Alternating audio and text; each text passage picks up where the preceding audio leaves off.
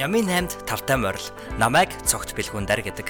Би 7 хоног бүр өөрийн уншсан, мэдсэн, сонсон, хийсэн, ойлгосон зүйлсээ хуваалцсан тантай өчигдрийн түүхээрээ өнөөдөр холбогдож маргааш шинтэн амьдрал хамт алхахыг зорддог үлээ. Надтай хамт байгаад баярлалаа. Ингээд эхэлцгээе.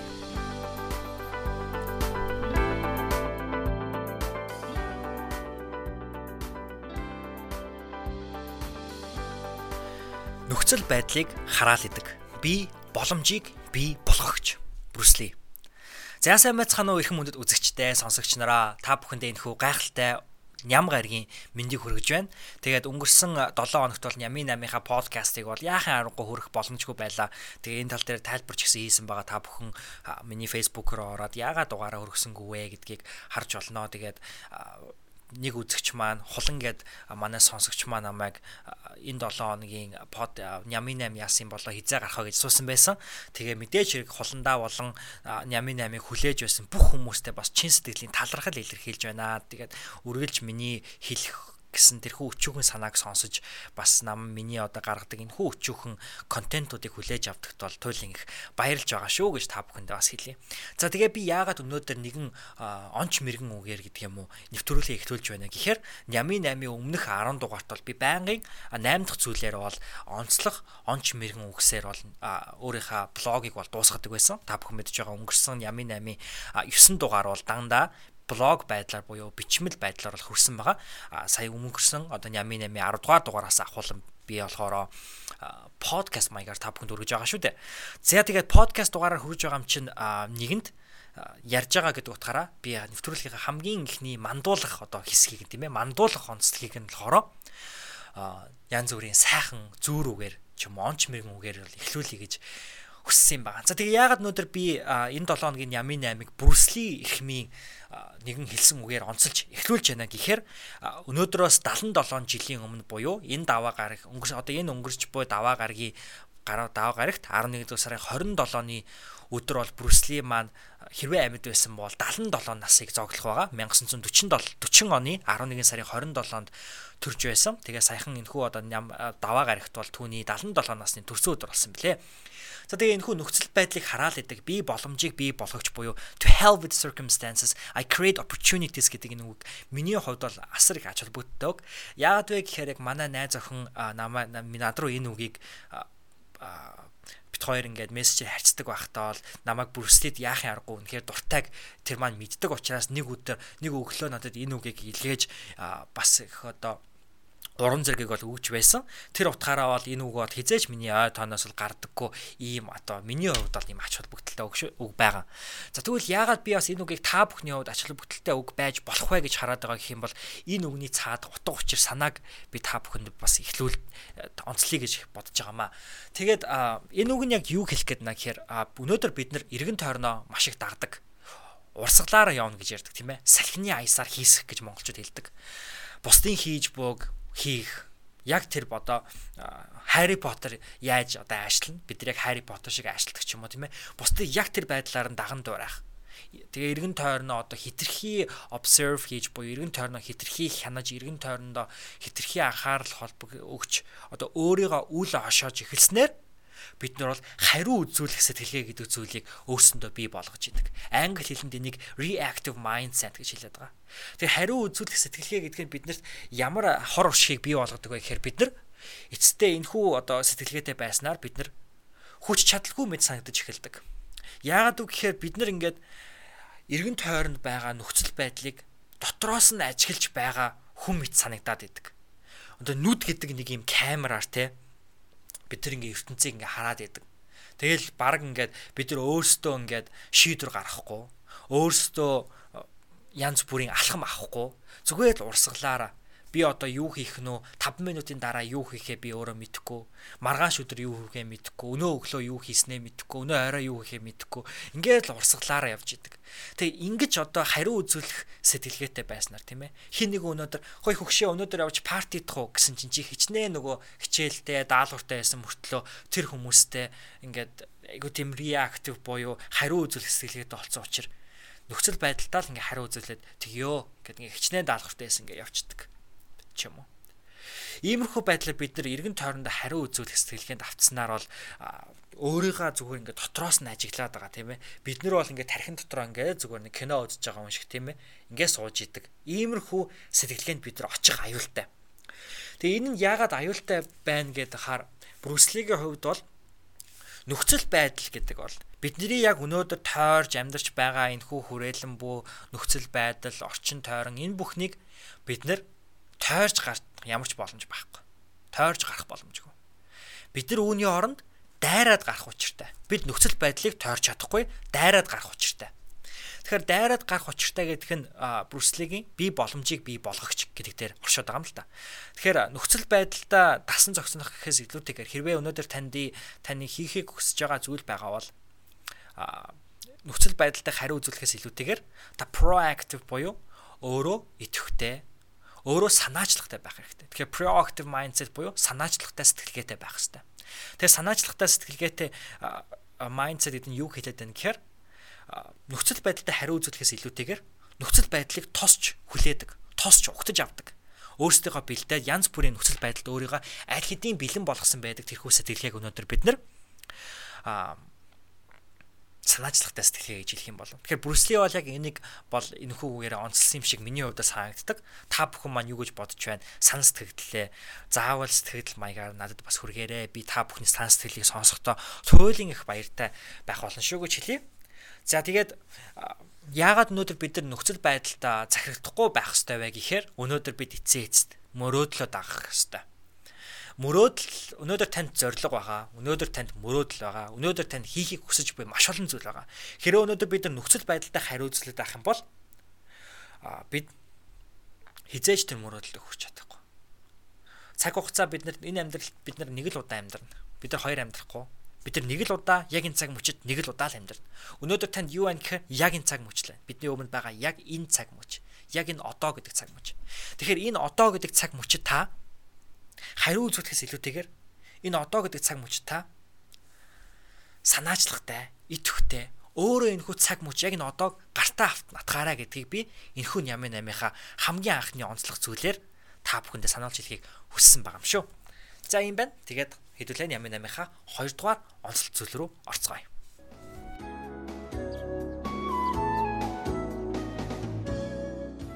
За ингээд Ямын 8-ийнхаа 11 дугаарын 2 дугаар онцлог зүйл дээр би яагаад бясалгал хийх хэрэгтэй вэ гэдэг сэдвийг ярих гэж байна. Тэгээд энэхүү сэдв маань өмнө 7 хоногт миний хувьд бол маш чухал үүргийг бол гүйцэтгэсэн байна. Тэгээд яг энэхүү 2 дугаар онцлог зүйлийнхаа 2 дугаар хэсэг дээр ярих болно тэр тухайга. Харин одоо эхний 1-р хэсэг дээрээ би юуны тухай ярихыг хүсэж байна гэхээр та бүхний сайн мэдэх миний хийсвэр менторуудын нэг Тим Феррис ягаад бясалгал хийж эхэлсэн бэ гэдэг талаар. Тэгэхээр Team Ferris-ийг өмнө хизээ сонсч байгаагүй хүмүүс байвал Team Ferris маань 10 жилийн өмнө байна уу? Тэгээ 10 жилийн өмнө хаа 4 цагтай ажлын 7 хоног гэж ном бол бичиж байсан. Тэг саяхан монгол хэлэн дээр бас худалдаанд гарсан байлаа. Та бүхэн уншаад үзээрэй. Маш сонирхолтой, гайхалтай ном байгаа. Тэгээд бас тэрээр Tools of Titans гэж ийм зузаан ном бичсэн. Саяхан энд бол энэ сард Tribe of 11 дэх сард шүү. Tribe of Mentors гэдээ бас дахиад ийм зузаан ном гаргасан. Тэрээр The Team Ferris Show гэдэг подкаст нэвтрүүлгийг бол хөтэлдэг. Телевизийн шоу мөн хөтэлж байсан. Зарим хүмүүс бол аудио ертөнцийн опера гэж түүнийг бол нэрлэдэг. За тэгээ Team Ferris ер нь юу хийдэг хүн бэ гэхээр миний хувьд бол тэр бол нөгөө нэг туршилтын тулаа янз бүрийн лабораторид хүмүүс туулаан дээр туршилт хийдэг штэ монголчууд ер нь туршилтын туулаа гэж хэлдэг. Англи хэлэнд болохоор Genova Peak үлээ. Нэг тийм хархан дээр туршилт хийгээд байдаг нэг амар хөрхөн юм болцгоор бүдүүн харах. Тэгээд ягаад хүн туршилтын туулаа гэж Tim Ferriss-ийг хэлдэг вэ гэх юм бол Tim Ferriss өөрөө маш амжилттай хүмүүсийг судалж, маш амжилттай хүмүүсийн хийдэг альва зүйлийг өөртөө туршиж үздэг. За энэ нь болохоор маш энгийн өглөөс ирээд амжилттай хүмүүсийн уудаг цайг уухаас ахуулаад За маш амжилттай хүмүүсийн гарсан маш өндөр уулын оргилдыг гарах ч юм уу тийм ээ. Маш амжилттай хүмүүсийн хэрэгэлдэг бүр экстрим хүн баг хийж болохооргүй хоолны дэглэмийг барьдаг ч юм уу. Энэ бүгдийг барьдаг. За тэгээд өөрөө бол маш одоо өөрөө тоо баримтд бол бүр ингээд донтой Тэгээ өөрийнхөө янз бүрийн хийж байгаа туршилт, судалгаа энэ бүгдийг бол тоо баримтжуулж түүнийгээ одоо энэ хүү ном бүтээлүүдээр гаргах хүргэдэг, подкаст нэвтрүүлгээр бол хүргэдэг ийм ирхэн байдаг. Тэгээ миний хувьд бол миний хийсэн менторуудын нэг байгаа гэж. Тэгээ тийм учраас ер нь бол яг нямын 8 бол одоо ингээд 11 дугаар гарахтаа бол яг хийсэр ментор гэдэг нэг юм болонтой болоод ах шиг байна. Тэгээ баг би баг нэвтрүүлэг болгон дээр Team Ferriss-ийн тухай ч юм уу, Brandon Burchard-ийн тухай ч юм уу, Lewis Howes-ийн тухай ч юм уу, Gary Vaynerchuk-ийн тухай ч юм ингээд тийм ээ.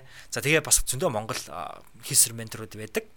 миний хувьд. А гэхдээ нөгөө Монгол хийсэр менторуудын маань хувьд яг энэ хүмүүс шиг байнгын тогтмол мэдээлэл бид бүхэнд бас хараахан хүргдэггүй учраас бол тэр хүмүүсийн яг одоо шинээр хүрж байгаа мэдээ мэдээллийг та бүхэндээ хүргэх бол жоохон боломжгүй байдаг. Тэгээс ямын 8-ын нэвтрүүлгийн маань онцлог нь юу вэ гэх юм бол ер нь яг англи одоо дэлхийн хувь хүний хөгжил, дэлхийн одоо одоо хандлага тийм ээ ялангуяа хувь хүний хөгжил хүн судлалын салбарт ер нь хаашаа чиглээд байна гэдгийг бол би та бүхэндээ бас хөргөх юм зорилготой байдаг учраас аль болох гадаадын одоо хүмүүсийн тэр салбар дээр яаж байгаа юмнуудыг бол та бүхэнд өрхий зорддог байгаа шүү. Тэрнээс бол Монголынхаа ёс уламжлал, Монголынхаа зан заншлыг бол би хизээж цаашаа бол түлхтгүү өргөж түнтэйг маш ойрхон байдаг гэж хэлье. Айгуу дали юм яриа авчлаа. За тэгээ эргээ яриагаа тухайн ороход бол сая хэллээ. Team Ferris бол амжилттай хүмүүсийг судалж а түүнийг өөр дээрээ хэрэгжүүлж олон 10 жил амьдарч түүгээр бол карьер хийсэн хүн. Одоо бол 40 гараа явж байгаа хүн. 40 нас гараа явж байгаа. Тэгэхээр яагаад Team Ferris бясалгал хийдэггүй байсан бэ гэдэг сонио асуулт байгаа. Яагаад би нэг сонио асуулт гэж хэлж байна гэхээр өнөөдөр дэлхийд дээр байгаа маш олон амжилттай хүмүүсийн а өглөөний ялангуяа дэглэм өглөөний morning routine гэж хэлдэг тийм ээ. Өглөөний дэглэм, өглөөний хуваарт хөтөлбөрт бол заавал бясалгал гэдэг зүйл бол тодорхой хэмжээгээр байдаг. Бид бүхний сайн мэдэх опера ч юм уу тийм ээ, Ellen гэдэг бүх хүмүүс бол ер нь бясалгал хийдэг амжилттай хүмүүс. Тэгвэл яагаад энэ амжилттай хүмүүс бясалгал хийгээд байхад Team Ferris хийхгүй байсан бэ гэж. А бясалгалыг Team Ferris л өөрөө branding problemтэй гэж хэлээд байгаа. Тэгэхээр branding problem буюу брэндчлэлийн асуудалтай гэж яага хэлж байна гэхээр өнөөдөр бид нар бясалгал хийх гэхээр нэг тийм айгүй сонин сонин юмнууд бид нар хаадаг шүү дээ тийм ээ. Айгүй сонин сонин хувцастай йогагийн багш нар ингээл сонин сонин зүйл хийгээд бясалгал гэхээр одоо буддийн шашны зүйл юм уу? Аль эсвэл хиндүү шашны зүйл юм уу? Аль эсвэл одоо энэ бүр ингээд Европынхан л ингээд бясалгал бясалгал meditation mindfulness гэдэг юм. Энэ Европын зүйл юм уу гэдэг. Ингээд бид нар confused болоод бид нар одоо ингээд юу болоод байгааг ойлгохгүй ингээд санаа ингээд хаа энэ санаа юу нэг хаана яваад байгаа гэдэг дээр ингээ айгүй гайхаад эхэлж байгаа. Problem те. За энэ дээр бол мэдээж хэрэг хин нэгний бясалгал заах аргыг бол мэдээж хэрэг муулахгүй. Гэтэ яагаад нэг branding problem бидэд асуудал бий болгодог вэ гэхээр энэ брендинг хийснээр бясалгалыг аюу хүн зүйл мэтэр бидэрт ойлгуулдаг. Жишээ нь одоо буддизмын бясалгалуудыг та түлхүү одоо сонирхож харж исэн бол та үнэхээр яг үнэндээ буддист хүн биш тийм ээ. Буддизмын бурхны шашинд одоо бүрэн дүүр сонирхолгүй ч юм уу ямар нэгэн шашин шүтдэггүй хүн байхад бясалгалыг буддийн шашинтай холбоотой ахаар та заавал одоо буддийн шашинтай болох ч ёстой ч юм уу иймэрхүү ойлголтод бид нэр бий болох магадaltaй. Ягаад гэвэл бясалгал гэхээр бид нэр сүүлийн үед ялангуяа сүүлийн 20 жилийн хугацаанд бол маш ихээр одоо брэндчилж ямар нэгэн шашинтай холбоо ойлголт бол байсаар ирсэн. Харин одоо бясалгал гэдэг зүйлийг дэлхийн нийтээрээ юу гэж харж эхэлж байна гэхээр энэ бол зүгээр л яг л биеийн тамирын тасгалтай адилхан тархины тасгал юм байна гэж. Яг өмнөх онцлог зүйл дээр хэлсэн бид нар байнгын ингээд хариу сэтгэлгээтэй байх магадaltaй байдаг. Тэгэхээр яаж хариу үзүүлэх сэтгэлгээг үгүй болгож санаачлагтай сэтгэлгээг тийм ээ proactive буюу санаачлагтай идэвхтэй сэтгэлгээтэй болох бай гэхээр бид нар өнөөдөр mindfulness буюу одоо бодолтой байх бясалгах энэхүү тасгалыг хийснээр одоо өөрийгөө нэг төрлөөр тархиа тасгалжуулж эхэлж байгаа.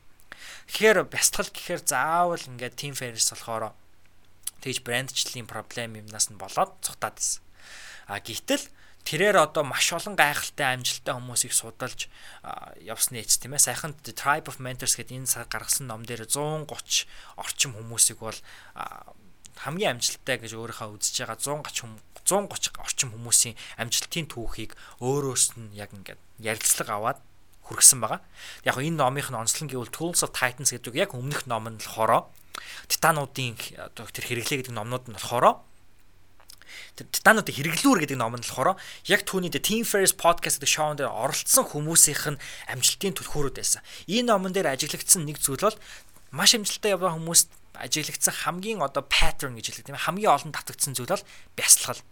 За тэгээд дараа нь энэ хүү саяхан гаргасан The Tribe of Mentors гэдэг номон дээр хамгийн амжилттай явж байгаа 130 орчим хүмүүсийг бол хүргэсэн байгаа. А гэхдээ энэ номон дээр орсон нийт хүмүүсийн 90 орчим хувь нь бол The Team Ferriss гэдэг подкаст шоунд бол ямар нэгэн зочноор бол оролцоогүй. Гэтэл энэ хүмүүс ч гэсэндээ энэ амжилттай хүмүүс ч гэсэндээ бас нэгэн pattern буюу олон давтагдсан зүйл байсан нь бясалгал байсан. Тэгэхээр Team Ferriss бол ингээ хоёр одоо бүтээл а бүтээлээрээ болон тэрхүү Team Ferris гэдэг шоугаараа дамжуулж хамгийн амжилттай хүмүүс л яахын аргагүй бясалгал хийдэг юм байна гэдгийг тодорхойлсон байна.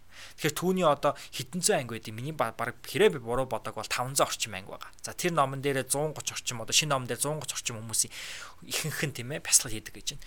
Тэгэхээр ийм учраас Team Ferris бол бясалгал хийж эхэлсэн байгаа яахын аргагүй бясалгал хийх хэрэгтэй байна гэж. Тэгээ ховийн одоо яг өөрийнхөө одоо personality-г бол хэлж ирсэн type A personality гэж байдаг. Psychology одоо сэтгэл зүйн салбарт бол бас ийм хуваах одоо ангилал бол байдаг. Type A болон type B. Type A гэдэг төрлийн хүмүүс нь маш driven буюу зориг мөрөөдөлтөд хөтлөгдсөн ийм дайчин хүмүүсийг бол хилдэг. Тэгээд яг тийм өөрөө зан чанартай хүн учраас бол бясалгал хийнэ гэдэг бол тэр үнэ жоохон хүнд асуудалтай байсан. А гэтэл үнэхээр яг үнэндээ бясалгал хийнэ гэдэг нь бол үнэхээр тийм дайчин хүмүүсийн зэвсэг юм байна гэдгийг бол Team Ferris ойлгож авснараа бясалгал хийж эхэлсэн байгаа юм л та. За тэгээд нөгөө төвлөрөхөд маш одоо хүнд байсан гэж байгаа. Бясалгал хийн гэхээр юу хийхийг юус ойлгодгоо тийм ээ. Бясалгал хийн гэхээр ингээ бүр бодлоо үгүй хийгээд 10 минут бясалгал хийлээ гэж юу ч бодохгүй байх юм уу. Гэтэл өөдөр бид нар та бүхэн ч гэсэн бясалгал хийх гэж оролдож исэн баг. Ингээ суудаг хамгийн анх бясалгал хийж үзэж байгаа юм суудаг тийм ээ. Ингээд суугаад ингээд бодож байгаад ингээд сайхан ингээд одоо ингээд за одоо ингээд юу ч бодохгүй байх хэрэгтэй гэд ингээд амьсгал дээрээ ч юм уу төвлөрч эхэлдэг. Зүрхнийхаа цохилыг сонсч эхэлдэг. Тэгэл ингээд зүрхний амьсгалаа ингээд тоолол. Нэг амьсгалаа гарахтаа хоёр гэл ингээд тоолол. 3 4 Хөө нэрэ дуучин болт чинь дөрвийн тоон дуртай гэсэн дээ. А дуучин болт нэрэ ягаад ойр чин дуу гарахгүй байгаа юм бол яа дуучин болт ч бас гой гой дуу гаргадаг байсан шүү. Нэрээ ер нь камертон хамтлагийн одоо гişүүд юу юу хийж явд юм бол гэтээ нэрээ номин таст бас гой хамтлаг байсан шүү. Гэтэл ингээл бидний ингээд майнд ингээд бидний оюун санаа бол ингээд шал өөр юм ингээд бодоод эхэлцдэг тийм ээ. Ингэцдэг. Тэгээд ингэхээр бид нар үүнээсээ болж уран зориг хугардаг. Өө би чинь бясалгал хийгээ юу ч 10 минут юу ч бодохгүй зөвхөн төвлөрөх штайсэн чинь юу бодоо явчихваа гэд ингээд бууж өгч эхэлдэг. Гэтэл яг үнэндээ ингэж бодож байгаа гэдэг чинь өөрөө бясалгалын нэг хэлбэр юм байгаа юм л та. Яг бясалгалын нэг хэсэг юм байгаа. Тэгэхээр яагаад гэвэл бясалгал гэдэг бол та өөрийнхөө бодлыг ажиглах тасгал гэж бас хэлж болно. Тэгэхээр өнөөдөр бид нар бол байнгын өдөр болгон цаг тутамдаа бол бид нар юу бодож байгаагаа ажиглаад байдаггүй тийм ээ. А гэтэл бясалгал хийх үедээ бид нар юу бодож байгаагаа ажигладаг. Тэгэхээр сая ингээл номин тас хамтлаг камертон дуучин болдгийг бодож ийснаа өө би чи юу бодож ийснаа бодож ийна гэж гинт ухаарснаа буцаад өөрийнхөө төвлөрлийг амьсгал дээр авчирч ахилдаг. Тэгэхээр яг л үнтэй адилхан бид нар ингээ биеийн тамирын тасгал хийгээл тийм ээ. Гантел өргөж өргөхтэй адилхан тархиа эргэж одоо ингэж байранд нь авчруулж идэг. Ингиж одоо өөрийнхөө бодлыг ойлгож юу бодол чинь хаана хаашаа ингэж хөвсрөөд яваад байна хаашаага хөвөө яваад байна гэдгийг ингэж ойлгосноор бясгалын одоо гол утга учир нь тэнцээс оршоод байгаа болов уу гэж би хараад байгаа. А би хардаг бас Team Ferris-ийн тайлбарлаж байгаа. Тэгэхээр энэ Team Ferris-ийн хэрэгэлдэг нэг хоёр апыг би та бүхэндээ бас яг энэ дээр онцлох нь зүйтэй баг. Англи хэл дээр явдаг ап байгаа.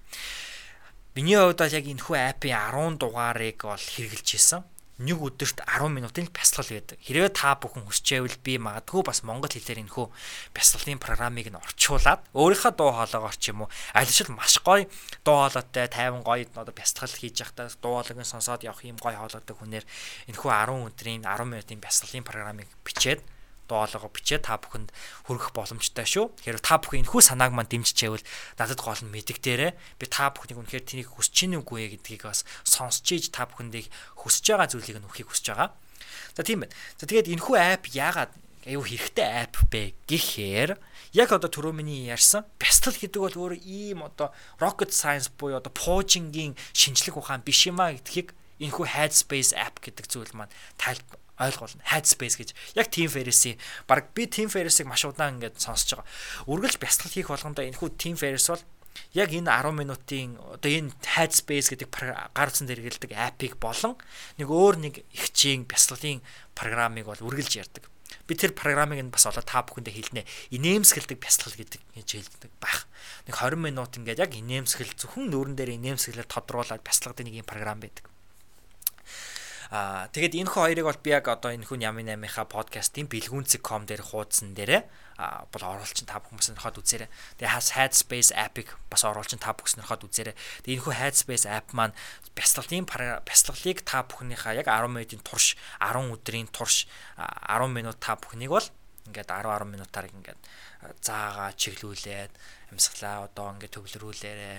Оо зүгээр оюун бодол чинь ингээд хийсээ явсан ч гэсэн одоо эргээд боён бодлоо аваад ир гэдэг маш сайхан ингээд ойлгуулждаг. Бясалгал болгоныхоо өмнө нэг ганц 2 минутын маш сонирхолтой хүүхэлдэйн кино анимашн маягийн бясалгалын тухай айгүй гоё гоё бичлэгүүд та бүхэнд үзүүлдэг. Тэднийг та бүхэн бас нөхөөрөө би бас олдуул Нями 8-ийнхаа 11 дэх дугаарынхаа бэлгүүнцэг.com дэх постынхаа доор та бүхэндээс хүргэчихнэ гэж бодож байна. Тэгээ юм байна. Тэгээд ийм хүү аппуудыг ингэж хэрэглэж ингэж Team Ferris-ийн хувьд бол яахын аргагүй амжилтынхаа нэг түлхүүр олж одоо хувирсан байгаа. Тэгэхээр хам дэлхийн хамгийн амжилттай хүмүүсээс сурсан дэлхийн хамгийн амжилттай хүмүүсийг судалдаг хүний өдөрт заавал хийх ёстой өглөөний хөтөлбөрт бол бясалгал хийнэ гэдэг зүйл заавал орд юм байна шүү. Ингэснээрээ бид бүхэн хариу үзүүлэх сэтгэлгээтэй бус санаачлалтай сэтгэлгээтэй болж эхэлдэг.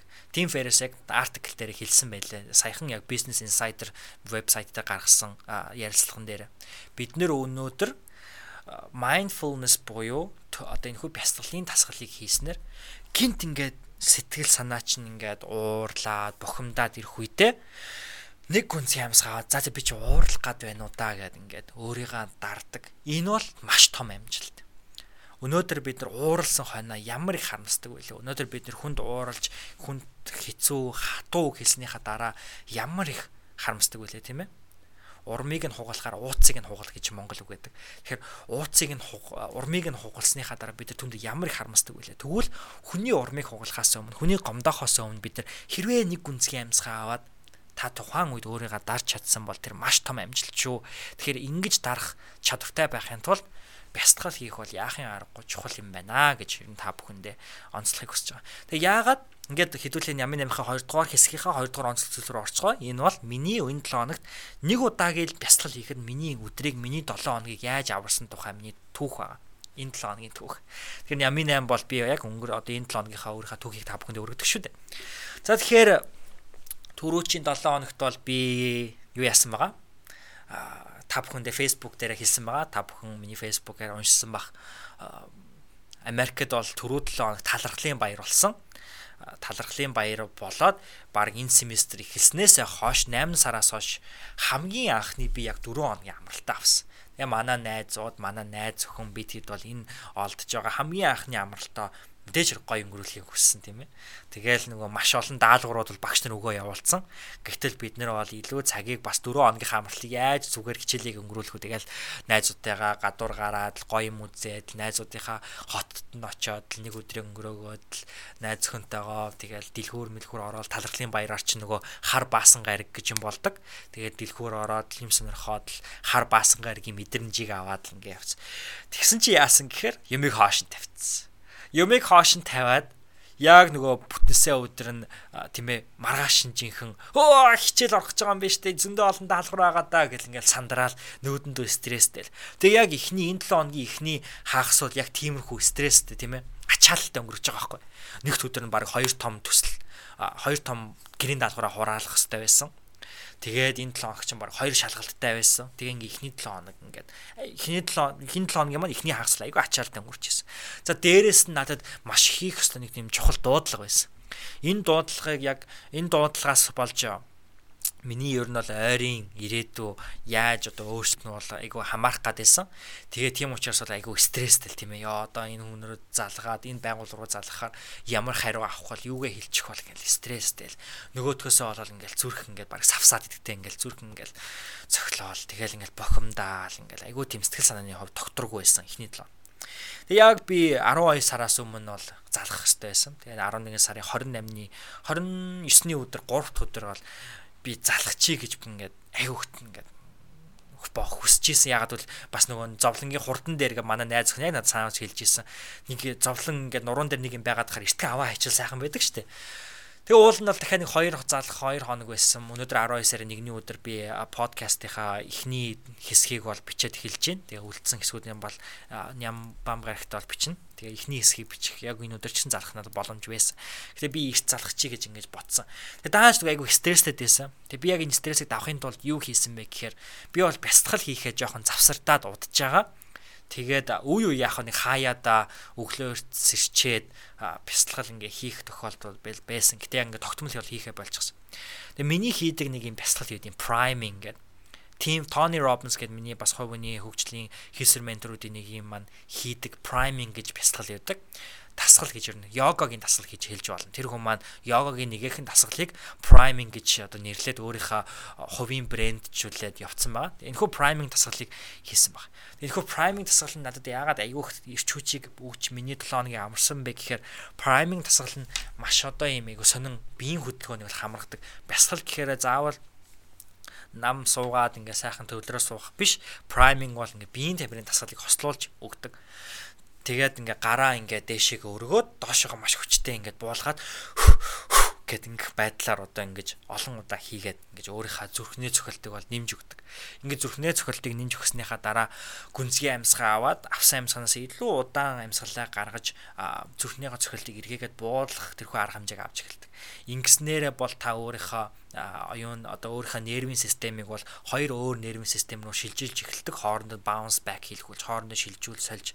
Тэгэхээр ингэж шилжүүл сольсныхаа дараа Тони Робинс юу хэлхийг хүсдэг вэ гэхээр бирээ би зүг санаж байгаа бол амьдралдаа хам зүрхэн дээрээ дараад хоёр гараа зүрхэн дээрээ дараад өнөөдөр би зүрхтэй баярлал гэж хэлдэг тийм ээ өнөөдөр бид нар энэ зүрхийг авахын тулд бол ямар нэгэн зүйл биднэрт бол зүгээр л өгсөн. Бид нар ямар нэгэн зүйл хийх шаардлагагүйсэн. Бидний ээж биднийг төрүүлж өгөөд энэ зүрх гэдэг зүйлийг бидэрт өнөөдөр өгсөн.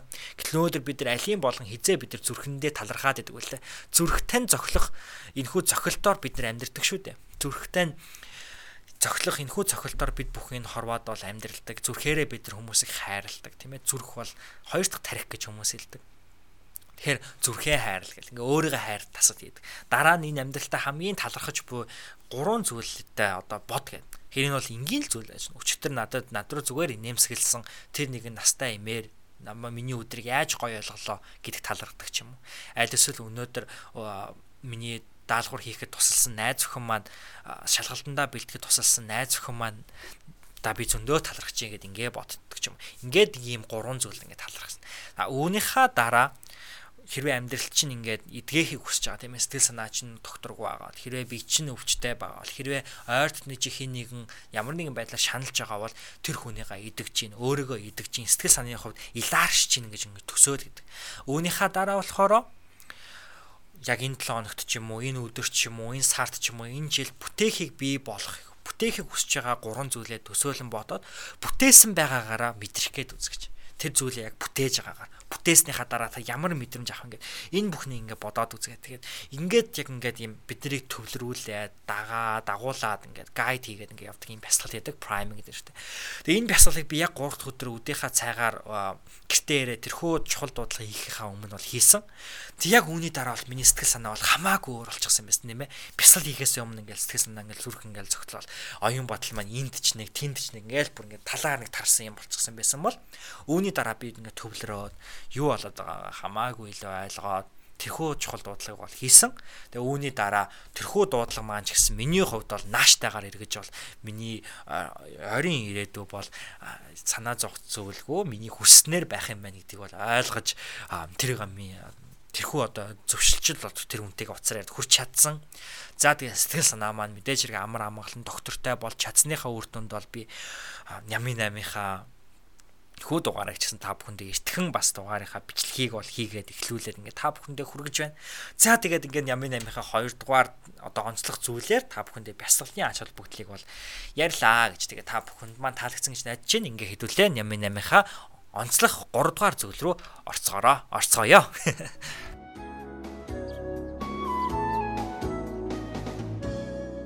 Нямын 8-ын 11 дугаар дугаарын 3 дугаар онцлог зүйл бол аштай апп За та бүхэн маань мэдж байгаа. Би айгүй их мэдж байгаа гэдэг үг хэлэх юм а тийм мэдгүй ч байгаа юм л.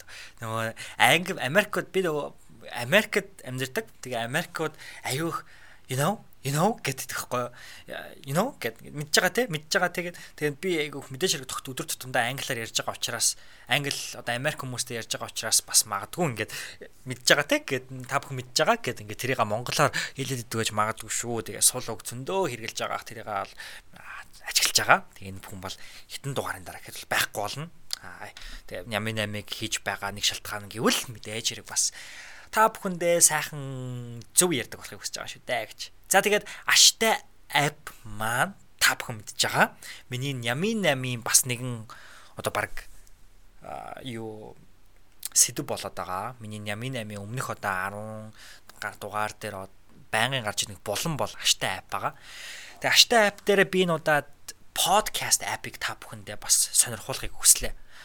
Англи хэлээ би бол англи хэл дээр ихвчлэн подкаст сонсдог. Подкаст яагаад надад маш их таалагддаг вэ гэхээр би оюутан хүний хувьд бол байнгын ингээ алхаж идэг ч юм уу, автобус нь явж идэг ч юм уу. Ингээл байнгын ер нь нааш цаашаа явж идэг тийм ээ. Оюутан хүн учраас бол ингээ хичээл рүүгээ явна, гэртээ харна, ажил руугаа явна, фитнес рүүгээ явна гээл янз бүрийн л зөндөө ийш тийшээ алхах нь автобуст нь машин машинаар явна гээл ингээл зөндөө юм байна дуун нь тийм ээ. Эдгээр зүйлс бол заавал дуу сонсох ч юм уу тийм ээ. Энэ одоо завсрын үеуд гэж нэрлэл болж тийм ээ. Нэг анги хичээлээс нөгөө хичээлдээ орохын завсрын үе зүгээр нэг дуу сонсох ч юм уу, тоглоом, гар утасны тоглоом тоглох ч юм уу, дими юм хийж өнгөрүүлнээс илүүтэйгээр зүгээр подкаст сонсоод хүмүүс юу ярьж гин, хүмүүсээс юм сураад байж надад илүү үр дүнтэй санагддаг. Ийм учраас подкаст надад маш их таалагддаг. Ямар нэгэн зүйлийг үзэх албагүй зүгээр ингээд сонсоо явж идэг. Сонсож сурдаг хүмүүс бол маш олон байдаг шүү дээ тийм ээ. Сонсож сурдаг хүмүүс байна, харж сурдаг хүмүүс байна, хийж сурдаг хүмүүс байна, зөндөө олон одоо байдлаар сурдаг хүмүүс бол байна. А миний хувьд бол сонсож юмыг илүү сурдсан болов гэж би өөрийгөө тодорхойлдог. Тэгэхээр подкаст бас миний хувьд яагаад айгүй чухал вэ гэхээр одоо ингээд миний нэвтрүүлгүүдээр бол би нэвтрүүлгүүд ямын амаар бол олон хийсэр менторуудыг бол онцлоод байгаа тийм үү. Эдгээр миний хийсэр менторууд бол бүгдөө подкасттай баг бүгдээрээ шүү. Тэг яагаад бүгдээрээ ингээ подкасттай байна уу гэхээр яалтчгүй өнөөдөр бид эргээгээд радио одоо бидний одоо өмнөх генерашнд өмнөх үед бол радио гэдэг зүйл ямар чухал байсантай адилхан эргээд одоо подкаст бол бидний хувьд бол энэ үеийн радио болж хувирч байна. Тэгэхээр бол подкаст бидний амьдралд бол асар их чухал нөлөө үзүүлж байгаа ирээдүйн ойрын нэг 10 жилийн технологийн салбар бол подкаст бол маш өндөр хурцтай хөгжих одоо юм салбар бол гэж бол тодорхойлоод байгаа. Олон одоо бизнесийн салбарын хүмүүс ч гэсэн. Тэгээ подкаст тийм байна. Тэгээд би яагаад өнөөдөр энэ хүү подкаст апыг та бүхэндээ сонирхуулах гэж юм гэхээр би өмнө нь болохоор Play Google-ийн яг одоо Google app гэж байдаг. Би өөр Android утастай. Тэг Google app дээр зөвхөн подкастынхаа хүнээ ингээ хайхаар тэрхүү хүнийхээ ингээ подкастуудыг нь тусдаа өөрийнхөө дэлгэцэн дээр нэг тийм app маягаар зөв shortcut буюу товчлол тавьчихдаг байхгүй юу.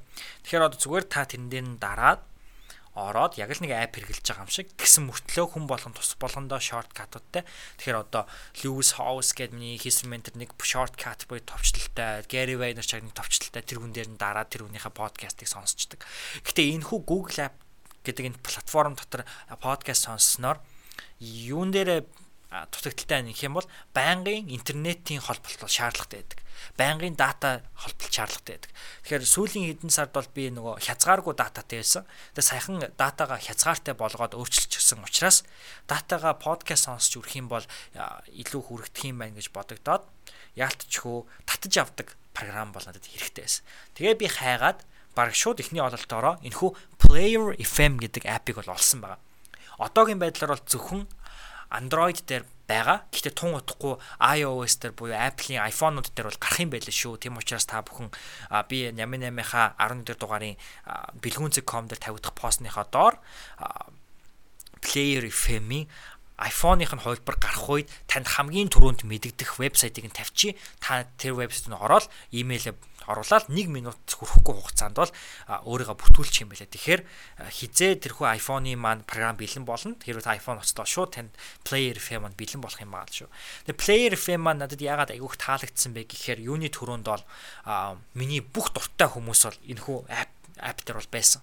Тэгэхээр би та бүхэн түрүүнийхээ онцлогсуудыг хэлсэн тийм ээ. Team Ferriss, Gary Vaynerchuk, Brandon Burchard, Lewis Howes за тэгээ нэмээд би юу хэнийг сонсдог, Ty Lopez-ыг хаяа сонсдог. Ингээд зөндөө олон хүмүүс байдаг. Тэгээ энэ хүмүүсийн подкастуудыг ингээд subscribe хийж болдог. Тэгэхээр яг YouTube-ийн channel-тай адилхан YouTube-тэй адилхан YouTube channel ингээ subscribe хийдэг штэ. Түүнтэй адилхан та Player FM дээр тэдгэр хүмүүс subscribe хийчих юм байлаа. Тэгээ subscribe хийхийн онцлог нь юу вэ гэх юм бол таныг Wi-Fi-тай холбогдсон байх үед таны subscribe хийсэн хүмүүсийн тань хамгийн сүүлийн үеийн подкаст дугаар анги нь автоматар Wi-Fi-тай холбогдсон байх үед тань татагдчихсан байна. Тэгэхээр та ингээд өөрөө гар усргаа ороод тэр програмыг ингээд татах шаардлагагүй аль хэдийн баг ингээд хичээлээ суучаад гараад ирэх үед чинь таны одоо сонсдог хүний чинь подкастын дараагийн дугаар маань интернет холболтгүйгээр сонсоход бэлэн болчихсон байдаг. Тэгээ энэ надад бүр амар таалагдсан. Тэгээ бас нэг гой зүйл нь юу гэх юм бол notifications буюу одоо сануулга бол ирдэг ингээд шин дугаар гарсан байх шүү. Lewis Howell шин дугаар гаргасан байна. Одоо ингээд харж байгаа Tile Ops шин дугаар гаргасан байна. Ask Gary-гийн шин дугаар podcast маягаар гарчихсан байна гэд. Ингээд би ингээд мэдчихдэг. Энэ бүхэн бол надад үнгүү интернетийн холболтгүйгээр сонсоход бэлэн болчихсон байгаа гэж бодтой үнэн гоё. Тэгээд app хэрэв Android утастай бол энийг заавал хэрэглээрэй гэж та бүхэндээ санал болгоё. Монгол подкаст байдаг үгүйг бол би мэдэхгүй байна. Магадгүй Ямин 8-ыг би энэ апп дээр оруулах юм болов хин яаж мэдгүй тийм ээ. Одоогонд бол байхгүй байгаа. Гэтээ мэдээж бод хүсэж ийн дихийг а ананд ананд ананд дошка гэдэг нэг сонсогч маань намайг Facebook дээр юугаа подкастуудаа ер нь блогуудаа хөргөж болох уу гэж асуусан байсан. Тэгээ бас тэгэж асуусан нь бол их баярлаа. Монголд нөгөө Facebook-ийн дата үнгүү гэсэн олон програмууд байдаг шүү дээ. Тэр нь магадгүй шалтгаан байдаг гэж магадгүй. Тийм учраас би подкастаа ер нь постуудаа зөвхөн өөрийнхөө вебсайт дээр биш олон өөр платформудаар айлах цацхыг бол мэдээж хүсэж байгаа, зорж байгаа, төлөвлөж байгаа шүү. Тэгээ магадгүй Player FM дээр удахгүй ямын 8 маань хүрэх юм билүү та бүхэн яаж мэдлээ. Тэгээ Player FM-ийг Android-ийн Play Store-оос ороод татаарай. Энэ удаагийн ямын 8 3 дугаар зүйлийн онцлог зүйл бол аштай app байла. Тэгээд iPhone хэрэгэлдэг бол а за вебсайтын гялс хараад iPhone цэг player цэг FM гэж ороод та өөрийнхөө имэйл хаягийг оруулчих юм бол Player FM програм хизээ iPhone дээр бэлэн болно. Танд хамгийн түрүүнд мэдэгдэх юм байлаа. А харин Android-ийн хувьд ороод татчих нь. Тэгээд энэ бол яхаа арга үнэхээр таалагдсан. Тэгээд та бүхэндээ энэ хүн апыг онцолж байна. Ингээд хэдүүлээ 88-ийнхаа онцлох дөрөвдүгээр зүйл рүүгээ орцгоё.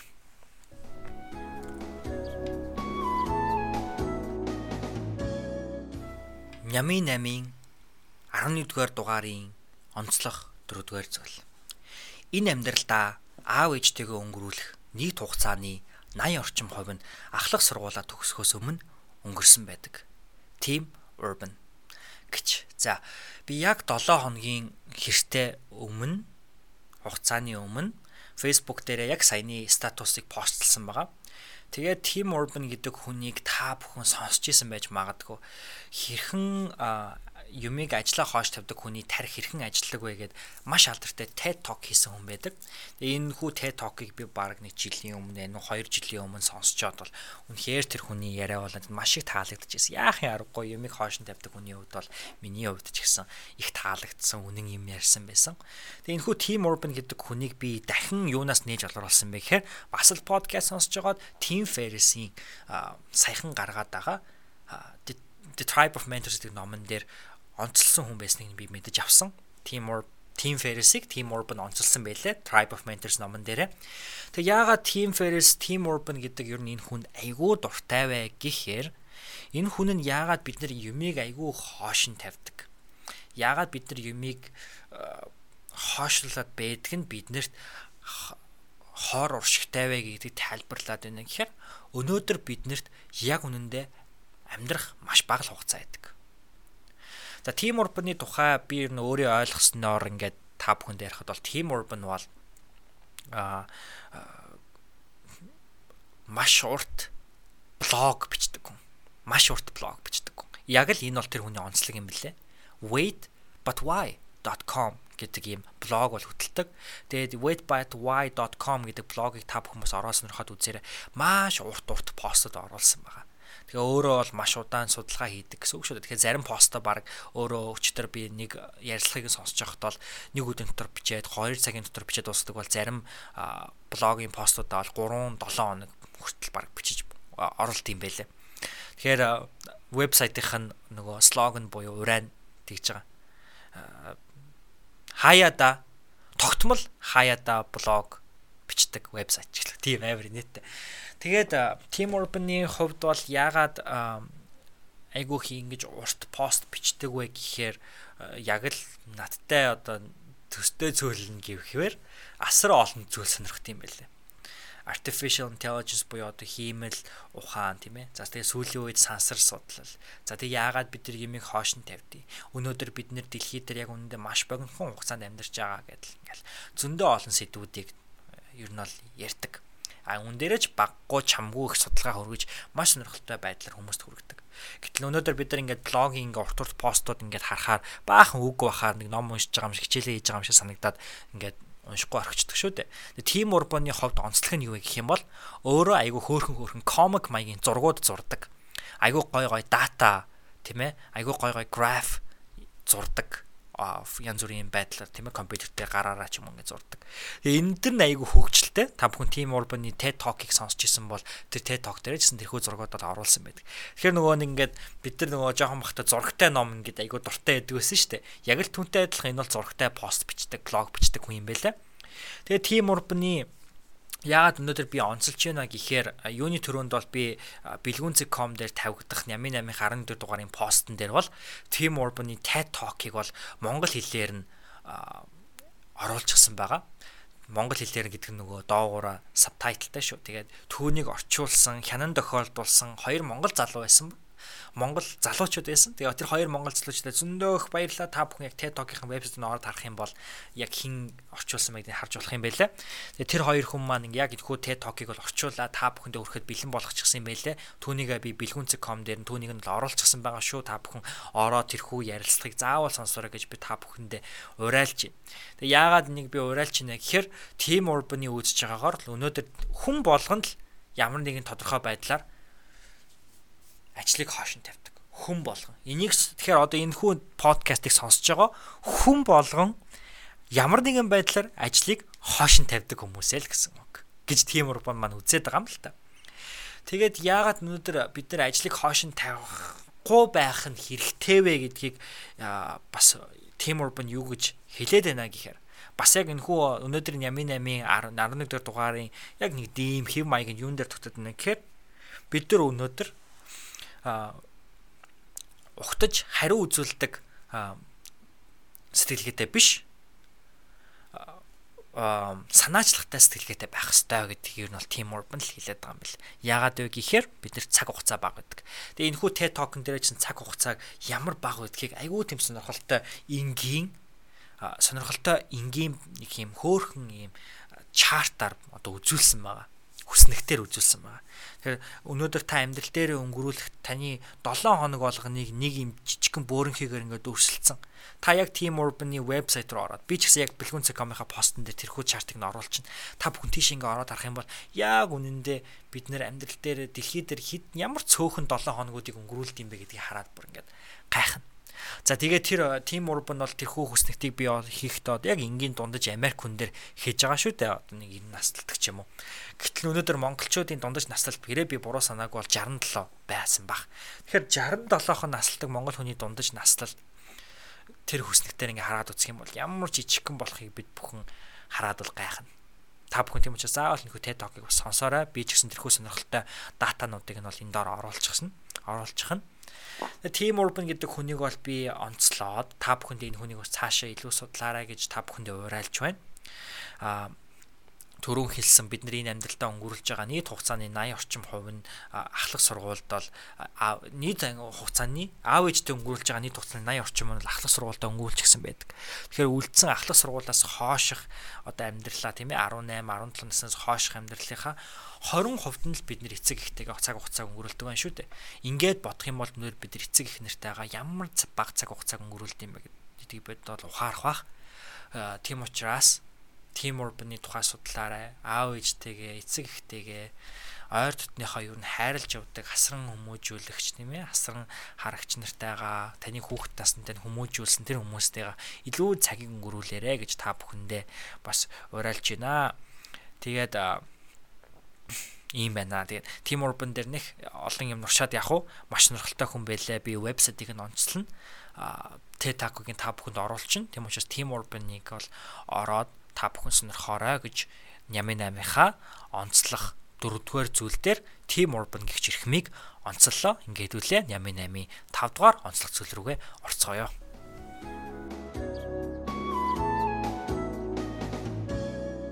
За Нямын 8-ийн маань 5 дугаар онцлог зүйл болохоро Benjamin Franklin гэдэг эрхэм байх болно. Тэгээ Benjamin Franklin гэдэг эрхмийг би онцлохдоо юун дээр үндэслэн онцолж байна гэхээр Stephen Krensky гэдэг хүний Benjamin Franklin-ы тухай бичсэн нэг жижигхэн 120 орчим хуудас ном уншсан байгаа би энэ 7 хоногт. Энэ 7 хоногт яг өчигдөр уншсан байгаа. Тэгээ энэ 7 хоногт уншсан энэ номоо би бас та бүхэн товчхон бөгөө тодорхой ярих гэж бодлоо. Тэгээд энэ түүх, энэ ном надтай холбогдсон түүх гэхээр би яг 8-ын энэ дугаарын эхний дөрвөн хэсгийг бол өчигдөр буюу 5 дахь өдөр бичсэн. Тэгээд 5 дахьын өмнөх өдөр шүн 4 дахьд ингээд оройн нэг орон дээр хөвтөж байгаа байхгүй. За би энэ 7 хоногт ямын 8 дээр юу юу ярих вэ гэд. Тэгээ ингээд 1 дахь, 2 дахь, 3 дахь гэдэг даваа гаргаас ахуулаад энэ 7 хоногт хийсэн, уншсан, үзсэн, сонссон, ярьсан, ойлгосон бүх юмудаа ингээд нэг нэгээр ингээд бодож байгаа. Тэгсэн чинь би юу анзаарсан бэ гэсэн чинь би энэ 7 хоногт ерөөсөө нэг ч хуудсан ном уншааг байсан. Яг сурах бичиг хичээлтэй хол хичээлтэй номнуудыг стооцвол хичээлтэй холбоотой номнуудыг стооцвол тийм ээ. Тэгэхээр ингээд тэгээ би ингээд бодож байгаа байхгүй. За ямар нэгэн юм унших хэрэгтэй байна да. Ягаад 7 хоног ерөөс уншсангүй гэдэг. Тэгээ мэдээч айгүй завгүй байсан. Аа нөгөө амралттай байсан учраас яг хичээлүүд маань бүгдөө тулчихсан даалгаврууд өгөх хэрэгтэйсэн учраас тэд дээр төлхөн анхаарад өөрийнхөө унших дуртай номуудыг л харах уншиж амжааг байсан. Тэгээд би Ямин 8-ынхаа энэ дугаарынхаа эхний дөрөвдүгээр эхний дөрвөн онцлог зүйлийг онцолцоход а тэгээд ажилдаа яваад ажилдаа тараад ажилласаа тараад номын санд найз охин дээр ирсэн. Тэгсэн чинь маа найз охин надад энэ Benjamin Franklin-ы энэ номыг аваад ирсэн байсан. Тэгээд надад энэ номыг бэлгэлж өгөөд тэгээд би энэ номыг нь нөгөө ерөөсө дүүр эхний 7 хоногийнхаа эхний хагас ерөөсө ном уншаагүй хүн чинь айгу ямар нэг унших хэрэгтэй юм санагдаад байсан учраас найз өхнөөсөө энэ номыг аваад баярлаад тэгээд нэг цагийн дотор уншаад дуусгачихсан. Тэгээд би өмнөх дугаар дээр хэлж исэн. Нями 8-ийн 10 дугаар дугаар дээр энэ өвлийн амралтаараа уншихыг хүсэж байгаа номнуудын чагсаалтын донд Benjamin Franklin гэдэг намтар байгаа. Walter Isaacson гэдэг хүний бичсэн тийм ээ. Тэгээ энэ Walter Isaacson гэдэг хүний бичсэн яг энэ номлог одоо миний гарт байна л да. Нийтдээ 500 гаруй хуудас ном а хэмжээгээрээ бол баг нэг А4-ийн цаастай адилхан. А миний өчтөр уншсан ном болохоор А5 хэмжээтэй цаас арай жижигхэн тийм ээ. А тэгээд нэг 100 орчим хуудастай. А бас нэг хамгийн гоё онцлог нь юу гэх юм бол энэ нэг тийм юу байсан. Маш гоё фото зургуудаар их дүүрэн фото зургууд их олонтой. Тийм учраас ер нь бол яг уншиж байгаа зүйл нь бол магадгүй нэг 60 хуудасчиж магадгүй яг ингээд бүх зургуудыг нь хасаад тооцох юм бол шүү дээ. Тэгээд энэ ном бол ингээд зурагтай ном учраас одоо амар таалагдсан. Тэгээ яг өмнөх одоо яг энэ онцлог 5 дугаар зүйлийнхаа өмнө би Team Urban-ыг онцлсан баг шүү дээ. Team Urban маань манай Team Urban маань Wait but why гэдэг блог дээр маш урт урт блогуудыг зураг дата тэ хослуулан хүргэдэг гэж би сонирхолсон байгаа. Тэг яг үнтэй адилхан энэ ном бол бас яг тэрийг ярьсан яриад одоо амьдралтаа уурай дуудаад аваад ирсэн ч юм ааш гимээр манай зөвхөн бол одоо маш гоё ном бэлгэлсэн. Тэгээ би энэ номыг та бүхэнд өнөөдөр энэ хүний тухай онцлохыг хүслээ. Тэгээд мэдээж хэрэг дараа энэ өвлийн амралтаар унших энэ 500 гаруй хуудастай Benjamin Franklin гэдэг ном, Walter Isaacson-ы бичсэн Benjamin Franklin гэдэг 2003 онд гарсан номны хувьд бол хажууд нь өчөөхөн жижиг ном. Гэтэ айгүй гоё introduction буюу одоо оршил ном бол надад байж чадлаа гэж бодлоо. Яг л би энэ номыг уншаал өчигдөр Benjamin Franklin яахын аргагүй заавал заавал заавал унших, заавал судлах хэрэгтэй хүн юм байна гэдгийг бол ухаарсан ба. За тэгээд би энийг онцлохдоо би тайван гэд та бүхний сайн мэдэх номын тойм ирдэг тийм ээ номын book review хийдэг тайван баясгалан өгөхтэй тайван найзынхаа нэг аргыг хэрэгэлсэн баг. Тэр тайван маань болохоор номынхаа эхний book review-нууд дээр ингээд та бүхэндээ хүргий сонирхуулъя гэсэн зүйлээ ингээд нэг юм шар жижиг гэнүүд ингээд тодруулаад орхичдаг. Тэгэхээр одоо ингээд дэвтэр дээр номон дээр нь ингээд нэг хэдэн шар шар шарнууд ингээд гоцоогоо байж байгаа. Тэгээ би яг тэр хуудсуудыг нээгээд та бүхэнд бас юу юуг би яг онцолж та бүхэндээ яг яри гэж төлөвлөсөн байныг та бүхэнд бас харуулцгаая гэж. За тэгээд түүнийхээ өмнө болохоор байна шүү дээ. Яг Benjamin Franklin гэдэг хүний тухай нэг товч бөгөөд тодорхой яг цаг орон цаг цаг хугацааны цаг хугацааны тухайд яг ямар шоу хүн байсан байна. Юу туулж гаталсан байныг яг товч товч явж. Тэгэхээр Benjamin Franklin бол өөрөө 1706 онд Бостон, Массачусетс одоо колони Бостон хот төрсэн. Тухайн үед бол Бостон хот маань өөрөө Нью-Йорк хотоос ч том байсан юм гэж хэлээ. За тэгээд дараа нь болохоор 1718 онд болохоор Franklin маань өөрийнхөө ах Джеймсийн туслах одоо шаваар орсон. Тэгээ тэнд бол одоо хамгийн анхны ажлаа эрхэлж эхэлсэн. Энэ бол одоо хэвлэгч гэдэг ажил. Тэгэхээр тухайн үед бол ингээд ном хэвлэхийн тулд маш том хэвлэлийн ингэж дарж бий болгодог юм номны хэвлэлийг бол ингэж хийж исэн байна. За тэгээ 1723 онд Бостоноос Brent Franklin Philadelphia руу явж тэнцээ өөрийн ирээдүйн эхнэр болох Deborah Reed гэдэг хүнтэй бол уулзч байсан юм байна.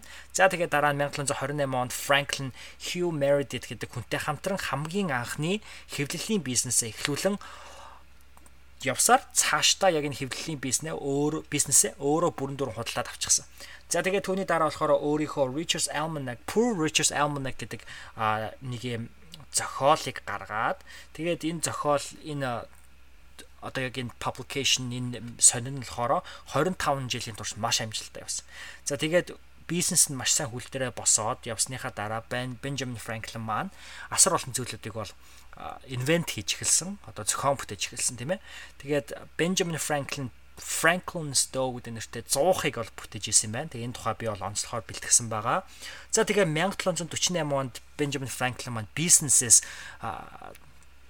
одоо завсар завсарлсан за завсарлсан гэхээс илүүтэйгээр бүр нэг мөсөн болсон. Өөрөөр хэлбэл тэтгэвртэй гарсан бизнесээс шүү. Гэтэ бол энэ хүний бол хувийн карьер энэ бүхэн бол дуусаагүй. Дөнгөж бизнесээсээ л салсан баг.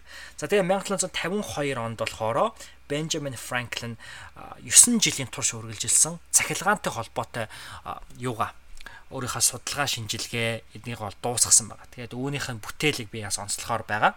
За тэгээ 1762 онд за шууд 1700 64 оноос хойш ер нь 62 оноос хойш бол Бенджамин Франклин бол улс төрийн карьер хөөж эхэлсэн баг. Тийм үү? Бид бүхэн сайн мэдж байгаа шүү дээ. Америк нэгдсэн улсын тусгаар тогтнолтой бол энэ хүн яахын аргагүй туйлын холбоотой. А би ч тэр утгаараа бас яг энэ хүний хөрөг зураг 100 долларын дэвсгэртээр байдаг нь үүнтэй холбоотой болов гэж боддог байсан. Тэгээ тэр нь ч зөв юм байлээ. А гэхдээ түүнээс гадна нэгэн өөр зүйлийг би илэрхийлдэм болов гэж энэ богинохон номыг уншсны дараа ойлгосон байгаа. Тэгээ энэ тухайга би та бүхэнд ярина. За тэгэхээр хамгийн анхны тайвангийнхаа хэрэгэлдэг шар гоцойсон хуудас руу орцгоё. За үүн дээр би яг юг онцлсан байна гэхээр тухайн үед болохоор өөрийнхөө гаргасан тэрхүү Poor Richard гэдэг зохиол энэхүү хэвлэлээ гаргаад 2 сая л орчим одоо хүнтэй байсан байгаа тухайн үед одоо яг Америк нэгдсэн улс маань. Тэгээ энэ үед бол өөрөө 10 мянга гаруй хувилбарыг одоо хувийг бол яг энэ зохиолоор бол зарж исэн гинэ. Тэгээ энэ нь болохоор тухайн одоо янз бүрийн мэдээлэл технологи энэ бүхэн бүрэн хөгжөөгүй цаг хугацааны хувьд бол маш гайхалтай амжилтанд тооцогддог. Тэгээд Бенджамин Франклин бол бүр багасаа ер нь унших, бичих одоо яг энэ чадварт бол маш өөрийгөө зориулсан юм хүн. За тэгээд тэрээр ингэж хэлсэн байдаг надад их сэтгэл татсан. Хэрвээ та нас орсныхаа дараа хатаж хорчийснийхаа дараа хизээж мартагдахгүй байхыг хүсэж байвал нэг бол а хинч одоо уншихад цагийг нь өрхөөргүй тийм юмыг бич. Аль эсвэл хин нэг нь таны тухай бичих хэмжээний амьдр гэж ийм үг хэлж ирсэн байлээ. Тэгээд а би монголоор шууд ингээд орчуулад найруулж байгаа болохоор яг төгс найруулга бол хийж чадсангүй. Гэтэ ер нь та бүх санааг нь ойлгож байгаа. Нэг бол маш сайн зүйл бич, нэг бол маш сайн амьдрал гэж хэлээд шүү дээ. А нас урсныхаа дараа мартагдахгүй мөнхөд урсагдахын тулд. За дараагийн онцлог зүйл дээр би юу тодруулсан байна гэхээр Бенджамин Франклин бол түүний одоо энэ хүү хэвлэлийн бизнес нь бол маш амжилттайгаар Пенсильваниад бол ингээ өрнжөөсөн Филадельфия хотод. Тэгээд нэгэн өдөр түүнд маш их хэмжээний мөнгө амлсан ажил орж ирж лтэй.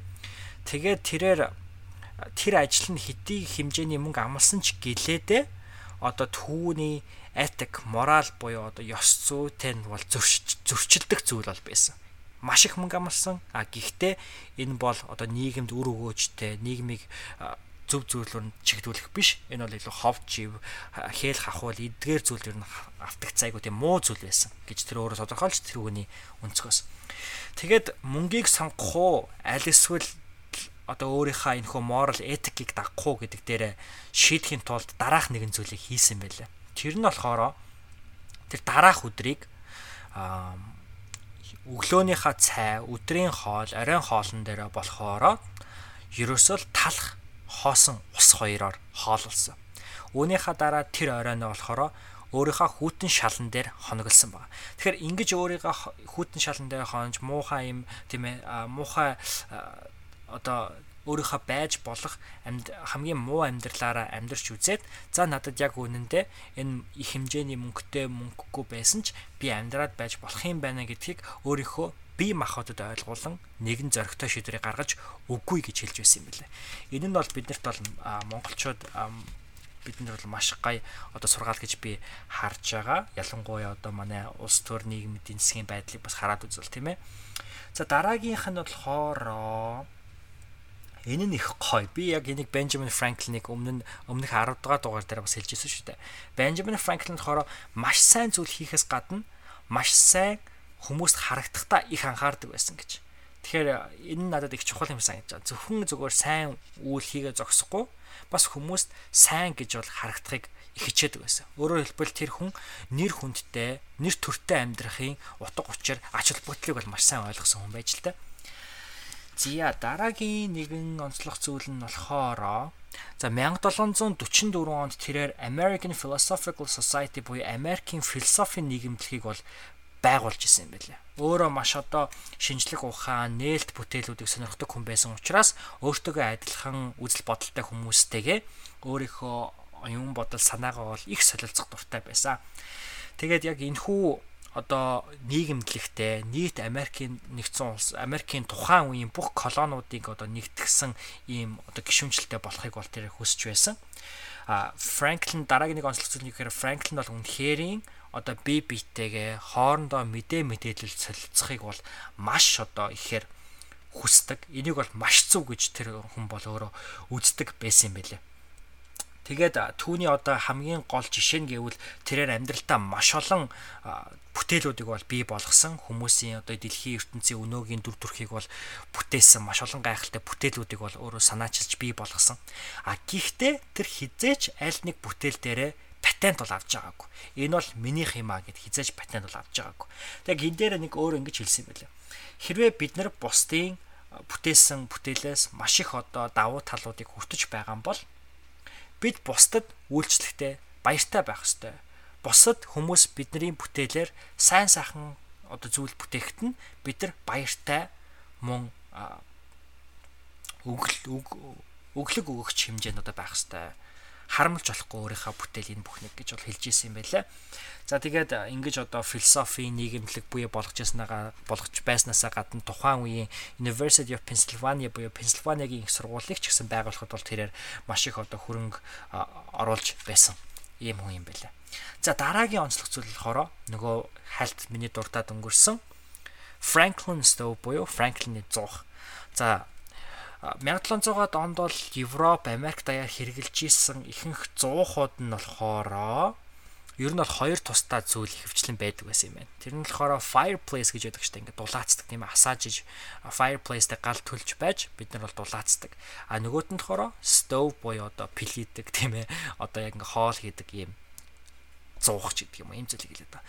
А энэ нь болохоор ямар асуудлыг бий болгож ирсэн бэ гэхээр нэгт айгүй утаа гаргадаг, хиншүү гаргадаг хоёрт ийм юм учраас бол түүний дотор хажууд нь суухад бол айгүй хэцүү хүндрэлтэй. Өөрөөр хэлбэл тэрхүү утаа хиншүү нь бол зөвхөн гадагшаага биш гэр дотроо бол орох юм магадaltaй байдаг байсан.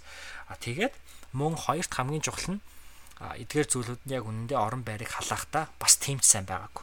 Тэгээ Франклины одоо гарц нь юу байсан бэ гэхээр яг энэ хүү одоо зуухыг fireplace буюу дулаацдаг тэрхүү галынхаа одоо галын тэр зуухыг бэлээдэг юу гэдгийг fireplace stove гэдэг энэ хүү хоёр зүйлийг бол нэгтгэх тэрхүү саналыг гаргаад саналыг гэхээс илүү саналыг биш уучлаарай энэхүү бүтээлийг гаргаад Franklin Stove гэдэг энэ бүтээлийг бол хийсэн юм байлээ. Тэгээд Franklin Stove нь болохоор 1744 онд бол худалдаанд гараад Америк даяар бол тархсан. Тухайн үеийн Америкийн бүх колониудаар маш одоо түгээмэл болж аяанда бүр Европыг бол дулаацуулж эхэлсэн гэж. Тэгэхээр энэ бол маш төгс шийдэл болж Америк Европыг бол ингэж дулаацуулж исэн ийм зуух юм байна. За үүний дараа онцлохоор сонгосон зүйл маань болохоро за энэ Франклин маань ингээд 1700-аад оны одоо Америк, Европууд чинь айгүйх шашинтлаг тийм ээ. Тэгээд нөгөө тэнгэр мингэр захихаар бурхан хэлгэнжинд бурхан ууралж гин гэж ойлгодог байсан. А Франклин юу гэж их өөрө шинжлэх ухаанч хүн байсан тэр утгаараа бол түүнийг нь одоо аль нэгэн бурхны харгислал ч юм уу бурхны уур хилэн гэж харахаас илүүтэйгээр энэ бол одоо нэгэн физикийн зүйл байна гэж бол харж исэн. Тэгэхээр эндээс бол цахилгаан ялгардсан биш үү гэж бодож исэн. Ягаад үг гэхээр мэдээж хэрэг цахилгаан ингээд хүчтэй буухаараа гал гардаг төмөр тавьдаг тийм ээ. Тэгээд үүнийг нь өөрөө нөгөө нэг тэнгэр дээр нисдэг kite гэж байдаг тийм ээ агаарын одоо цаасан шувуу. Тэгээ энэ хүү шувууг нисгээд цахилгаантай өдөр нисгээд доор нь янз бүрийн юм утаснуудтай холбоод түүн дээр бол цахилгаан буулгуулах оролдлогыг хийгээд цахилгаанч буусан.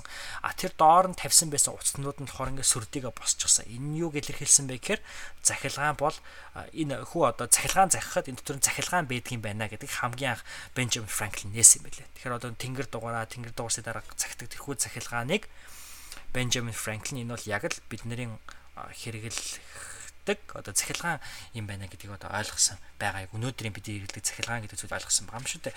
Тэгээд энэ чи үүнээсээ болоод нэгэн зүйлийг бол зохион бүтээсэн. А энэ нь болохоор одоо бид бүхэн сайн бидний өндөр өндөр барилгууд дээр маш тийм урт том төмрүүд байдаг штэ. Тэр нь болохоор маш их цахилгаан захихаар тэр төмөр нь өөр дээрээ цахилгааныг хүлээж аваад тухайн байсан ч юм уу хин хүнийг ч юм уу тийм ээ бүр одоо шатхаас бол сэрэмжлүүлдэг. Тэгэхээр тухайн хотын, тухайн барилгын хамгийн өндөр зэг дээр нь тэрхүү төмөр том төмөр зүйлийг тавьснараа галын аюулаас бол сэрэмжлэх ийм давуу талыг бий болгох. Энэхүү зүйлийг бол Бенджамин Франклин бол зохион бүтээсэн юм байлээ. Тэгэхээр одоо та маргааш хотын төвөөр алхаж байгаад манай хотын төвд байдаг өндөр өндөр барилгууд дээр байгаа тэрхүү төмөр зүйлсүүдийг хараад өө чи Бенджамин Франклины бүтээл санаа шүү дээ гэж одоо харах нь байна гэж. За тэгээд одоо бидний шүхрэн дээр ч гэсэн байдаг тийм ээ. Борооны шүхрэн дээр тийм өндөр төмөр ингээ гоцож гсэн байдаг. Тэрхүү шүхрийг бол бас хамгийн анхны санааг нь Бенджамин Франклин гаргаж байсан юм бэлээ гэж. За тэгээ дараагийн онцлог зүйл нь юу вэ гэхээр а Бенджамин Франклин бол хичнээн анхандаа одоо яг Америкийн уугуул иргэдлэх индианчуудад анхны сэтгэл нь муу байсан ч гэлээ. А тэрээр бол тэрхээ тэдгээр хүмүүсийг хүмүүстэй муухай шудраг бус харьцдаг хүмүүс нь бол бид нар буюу цагаанууд бид өөрсдөө юмаа гэдгийг бол ухамсарладаг хүн байсан. А тиймээс тэрээр бол өөрийнхөө амьдралыг энэ хоёр бас ард төмний дундах ойлголтсын төлөө зориулсан хүн юм байна лээ гэж. Ам зя дараагийн онцлог зүйл нь болохоор нэлээд урагшаа яваад түүний одоо нас нөхцсөн үе рүү очиж байна. За тэгээд Бенджамин Франклин болохоор 1790 онд нутагта Франц улсаас ирээд нас барсан. Энэ түүнийг насархад болохоор 20 мянга гаруй хүмүүс Америкийн хийгээд тухайн мужийн үнцэг болон бүрээс бол ирж исэн. А энэ бол Филадельфия мужид болж байсан. Филадельфия хотод болж байсан хамгийн том оршуулга ёслол түүхэндээ одоо хүртэл 20 мянган хүн одоо хин нэгний оршуулган дээр ирж байсан тохиолдол гараагүй. А тэрээр бурхан болохдоо дараах одоо цол хэрэг мөрч гэдэг юм ажил мэргэжлэр бол цоллогдож бурхан болжээ. Энэ нь болохоор хэвлэгч, зохион бүтээгч, бизнесмен, шинжлэх ухаанч, улс төрч, зохиолч, эсэргүү болон дипломат. Эсэргүү гэдэг нь ямар утгаар гэхээр rebel гэж хэлдэг тийм ээ. Тусгаар тогтолтын төлөө тэмцэгч гэж илүү ойлгож болох юм. За тэрээр бол өөрийнхөө амьдралыг бол хэм хүн үнэхээр хүч чадлаа зориулж үнэхээр бүх чадлаараа зүтгэж чадваас амжилтанд хүрэх нь гагцхуу тодорхой юм а гэдэг бол өөрийнхөө амьдралаараа жишээ болгосон хүн. Тэрээр өөрийнхөө амьдрал өөрийнхөө зохион бүтээсэн бүтээл өөрийнхөө хийсэн зүйлүүдийг маш сайн ухамсарладаг. Өөрөөр хэлбэл өөрөөгөө мэдээж хэрэг хинтээж харьцуулахад маш их зүйл хүн хийсэн одоо өөрийнхөө маш их зүйл хийсэн гэдгийг ухамсарладаг. А гисэн хэдий ч тэр бол түүгээр өнгөрч ч юм уу би бол бусдаас илүү гэж бол хизээж харж байгаагүй. Түүний хамгийн нэг энгийн жишээ гэх юм бол тэрээр насурхаасаа өмнө өөрийнхөө одоо булшны чулуун дээрх үгийг өөрөө бичсэн байгаа юм. Булшны чулуугаа өөрөө бараг бэлдсэн. Тэрэн дээр юу гэж бичсэн бэ гэхээр энд Бенджамин болон Дебора Франклинаар байна л гэж бичсэн байна. 1790 он.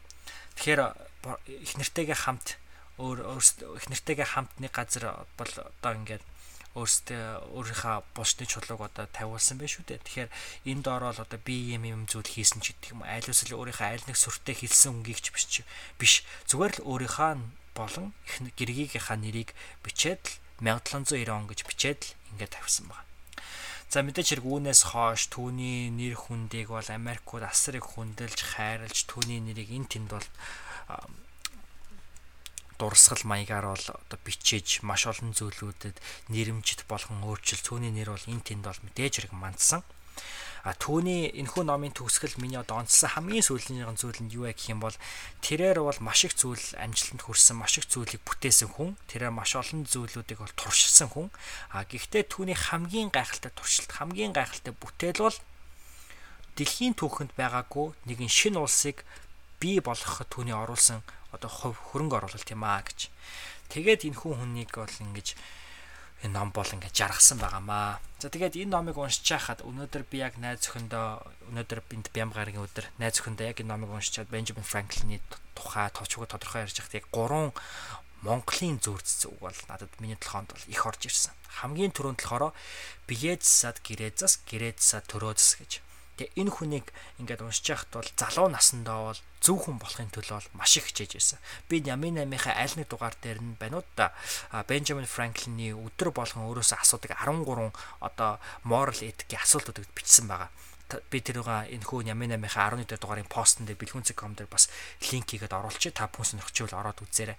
Өдөр болгон өдрийн төгсөл гэхэд дараах 13 асуултыг өөрөөсөө асууж алин дээр нь алдсан байна энэ төр гэдгээ бүр багасаа залуугаасаа бол одоо өөртөө хянж шалгаж өөртөө маш том хариуцлагуудыг бол тавьдаг байсан. А энгийн жишээ нь гэвэл залуудаа бол одоо мөнгө хэмнэхийн тулд махнаас хийгээд арх дарснаас бол татгалзаж бүхий л байдлаар мөнгө төгрөгийг бол хэмнэж исэн. Тэгэхээр залуу насаа бол өөрийнхөө биеэ засахад бол их заруулсан, зарцуулсан. А үүний дараа болохоор гэрээз гэж. Гэрээз гэдэг нь болохоор энэ хүнээс яаж харагдаж байна гэхээр маш сайхан гэр бүлийг бий болгоход зогсохгүй. Маш гайхалтай бизнесийг бол өөрийнхөө хөл дээр өөрийн гараар хөл дээр нь бол зогсоосон тийм ээ. Энэ бизнесээр бол зөвхөн өөрөө өөртөө ашиг олохоос илүүтэйгээр өөрийнхөө нийгэм өөрийнхөө амьдарч байгаа хот өөрийнхөө гэр бүл орчин тойрны найз нөхөд эдгээр хүмүүсээ бол энэ хүний одоо энэ хүү бизнесийн ачаар бол маш олон одоо сайн гайхалтай өөрчлөлтүүд гайхалтай нөлөөг бол энэ хүү үзүүлсэн. За гэрээ засаад бизнесээ бий болгоод ингэснийхаа дараа энэ хүн бол бизнесээс бүр мөсөн одоо гарсан. А бизнесээс бүр бүр мөсөн гараад энэ хүн насныхаа эцэг тийм ээ 70 нас 70 хэдэн нас хүрчээд 80 хэдэн нас шүрхүү хүртлээ Америк нэгдсэн улсын тусгаар тогтнолын төлөө энэ бие энэ насаа бол зориулсан юм байлээ. Тэгэхээр бүх одоо өөрийнхөө өөрийгөө бий болгочоод өөрийнхөө бизнесийг бий болгочоод өөрийнхөө одоо санхүү эдийн засгийн байдал гэр бүлийнхаа санхүү эдийн засгийн байдал санаа зовх санаа зохио болсон тэр үедээ улс улс эх орныхоо төлөө бол өөрийнхөө одоо гар бие бол зориулсан юм билээ. Тэгээд насан эцэс хүртлээ 70 хэд настай өвгөн болцоход л Америк нэгдсэн улсын тусгаар технологиг зөвшөөрүүл гэдэл Франц оронд бол маш олон жилийг өнгөрүүлж исэн тийм ээ. Тайга тулаад л ингээ явж исэн хүн юм байна лээ шүү гэж. Тэгээд дараагийн нэгэн он надад бодогдсон Монгол зүрэг нь юу гэх юм бол муу ир дайнд хөөрнө гэж монголчууд хэлдэг тийм ээ Тэгээд би яагаад энийг Бенджамин Франклинтэй холбож хэлж байна гэхээр энэ хүн бол дайнаас бол маш их одоо зүхтааж байсан. Тухайн үед бол түүнийг одоо Америкт амьдарч бизнесээ хийж явах үед бол Америкийн 13 колон бол Английн одоо эзэн гүрний эзэн хааны доор одоо колон нээсэн. Тэгээд тэрээр бол тэр колон Америкууд бол илүү их хэрэгчлөө, илүү одоо гайхалтай тусгаар тогтнол гэхээс тусгаар тогтнол биш ээ. Илүү их гайхалтай хэрэгчлөө. тийм ээ илүү бага такс одоо татвар энэ төр бол хэрэгтэй гэдгийг бол энэ хүн ухамсарлж исэн а үүнийхээ ч төлөө бол маш одоо peaceful байдлаар буюу эвсэг байдлаар асуудлыг шийдэхийг бол маш их хичээж ирсэн. Америкийг төлөөлж Английн эзэн хаантай бол хэд хэдэн удаа уулзаж, парламент дээр нь очиж хэд хэдэн удаа уулзаж, ив нэгдлийг бол одоо гагцхуу цорын ганц solution буюу шийдэл гэж бол тэр хүн харж исэн. Хизээж дайнд хөөрж байгаагүй. Түүний нэгэн бас хэлсэн алдартай үг байдаг юм байлаа. Сайн дайн гэж хизээж байдаггүй. Муу амар амгалан байдал гэж бол бас хизээж байдаггүй гэж. Тэгэхээр хамгийн эцсийн зорилго бол амар амгалан байдал юм аа л гэж энэ хүн бол одоо зорж исэн байна лээ гэж. Тэгээд сүүлийнхаа нэг үг нь юу гэх юм бол сайн хүний нэрийг гурав худалдаж идэнэ гэсэн энэ үг юм болов. Тэгээ яагаад зүгээр энэ үг бодогдсон бэ гэх юм бол Benjamin Franklin тухайн үеийн Америк нэгдсэн улсын тусгай тогтнолын төлөө хуваа оруулж байсан бүхий л одоо тэрхүү гайхалтай эрхмүүдийн дундах хамгийн алдартай хүн байсан. Түүнийг Францад очиход, Англид очиход хүмүүс улс төрч гэхээс нь илүүтэйгээр түүнийг зохион бүтээгч гэдэг хүн талаас нь маш их хүндэлж, хайрлж, гайхам гайхалтай ийддгээр бол тэр хүнийг бол ингэж байнга очисон газарт нь хүлээж угтаж тосч авдаг. Тэгээд тийм ч утгаар нь бас аль нэг улс руу очиж зөвшөлдсөд ч юм уу аль нэг одоо эзэн хаантай очиж уулзаж тусламж хүсгэд ч юм уу тийм ээ Америк нэгдсэн улсын тусгаар тогтнолын тэрхүү төлөө одоо тусламж хүсгэд бол Бенджамин Франклиныг бол байнга явуулдаг байсан. 70 хэдэн настай өвгөн байхад нь хүртэл Франц руу бол энэ хүнийг явуулж исэн байлаа. Тэг үнэхээр сайн хүний нэрийг бол одоо тэгж ашиглаж исэн. Тэгэхээр яхаа мууж зүйл биш л те. А гэхдээ үнэхээр хүн насаараа одоо зөв нэрийг бий болгож зөв нэр төртэй амьдарч чадсанаар а тэр нэр төр нь зөвхөн өөрийнх нь сайн сайхны төлөө биш бусд их орон олон төмний төлөө тэр хүний нэр бол ингэж хэрэглэгдэж болдгийм байна. Зевсэг мэд тийм ээ хэрэглүүр мэд ингэж хэрэглэгдэж болдгийм байна гэдгийг бол Бенджамин Франклин өөрөө харуулсан юм билээ. Тэгэхээр Бенджамин Франклин бол нэгэн нэг л энгийн артын гэр бүл төрж маш гайхалтай бизнесмен болж улмаар Америк нэгдсэн улсын тусгаар тогтнолын төлөө асар их гайхалтай хувь нэрмээ оруулсан хүн. А энэ ч утгаараа одоо American Dream буюу Америк мөрөөдөл гэж ярьдаг. Америкт байгаа хинч одоо өөрийнхөө зорж буй мөрөөдөлтөд хүрч чаднаа гэсэн тэрхүү одоо Америк мөрөөдөл гэж нэрлэдэг тийм ээ. Энэ мөрөөдлийн хамгийн тод жишээ, хамгийн ихний тод жишээнүүд нэг бол яхан аргагүй Бенджамин Франклин юм бэлээ. Тэр ч утгаараа 100 доллар буюу Америк нэгдсэн улсын хамгийн дээд үнд одоо дэвсгэрт дээр нь энэ хүний хөрөг зураг байдсан болов уу гэж би бас бодож сулаа гэж. За тэгээд энэ хүү 5 дахь онцлог зүйлээрээ Бенджамин Франклины тухай та бүхэндээ хүргэлээ. Та бүхэн манд таалагдсан гэж найдаж байна. Хэрвээ та бүхэн хүсэж байвал Стефен Кренски гэдэг энэ хүү э, хүний энэ хүү товч намтрыг бол заавал олж уншаарай гэж та бүхэндээ уриалъя. Ерөөсөө л нэг 100 э, орчим хуудас тэгээ нэг цагийн дотор л уншаад дуусчихаар жижиг ном байна лээ гэж. За ингээд хэдүүлээ. Ямын 8-ынхаа 6 дугаар онцлог зүйл рүү орцгоё.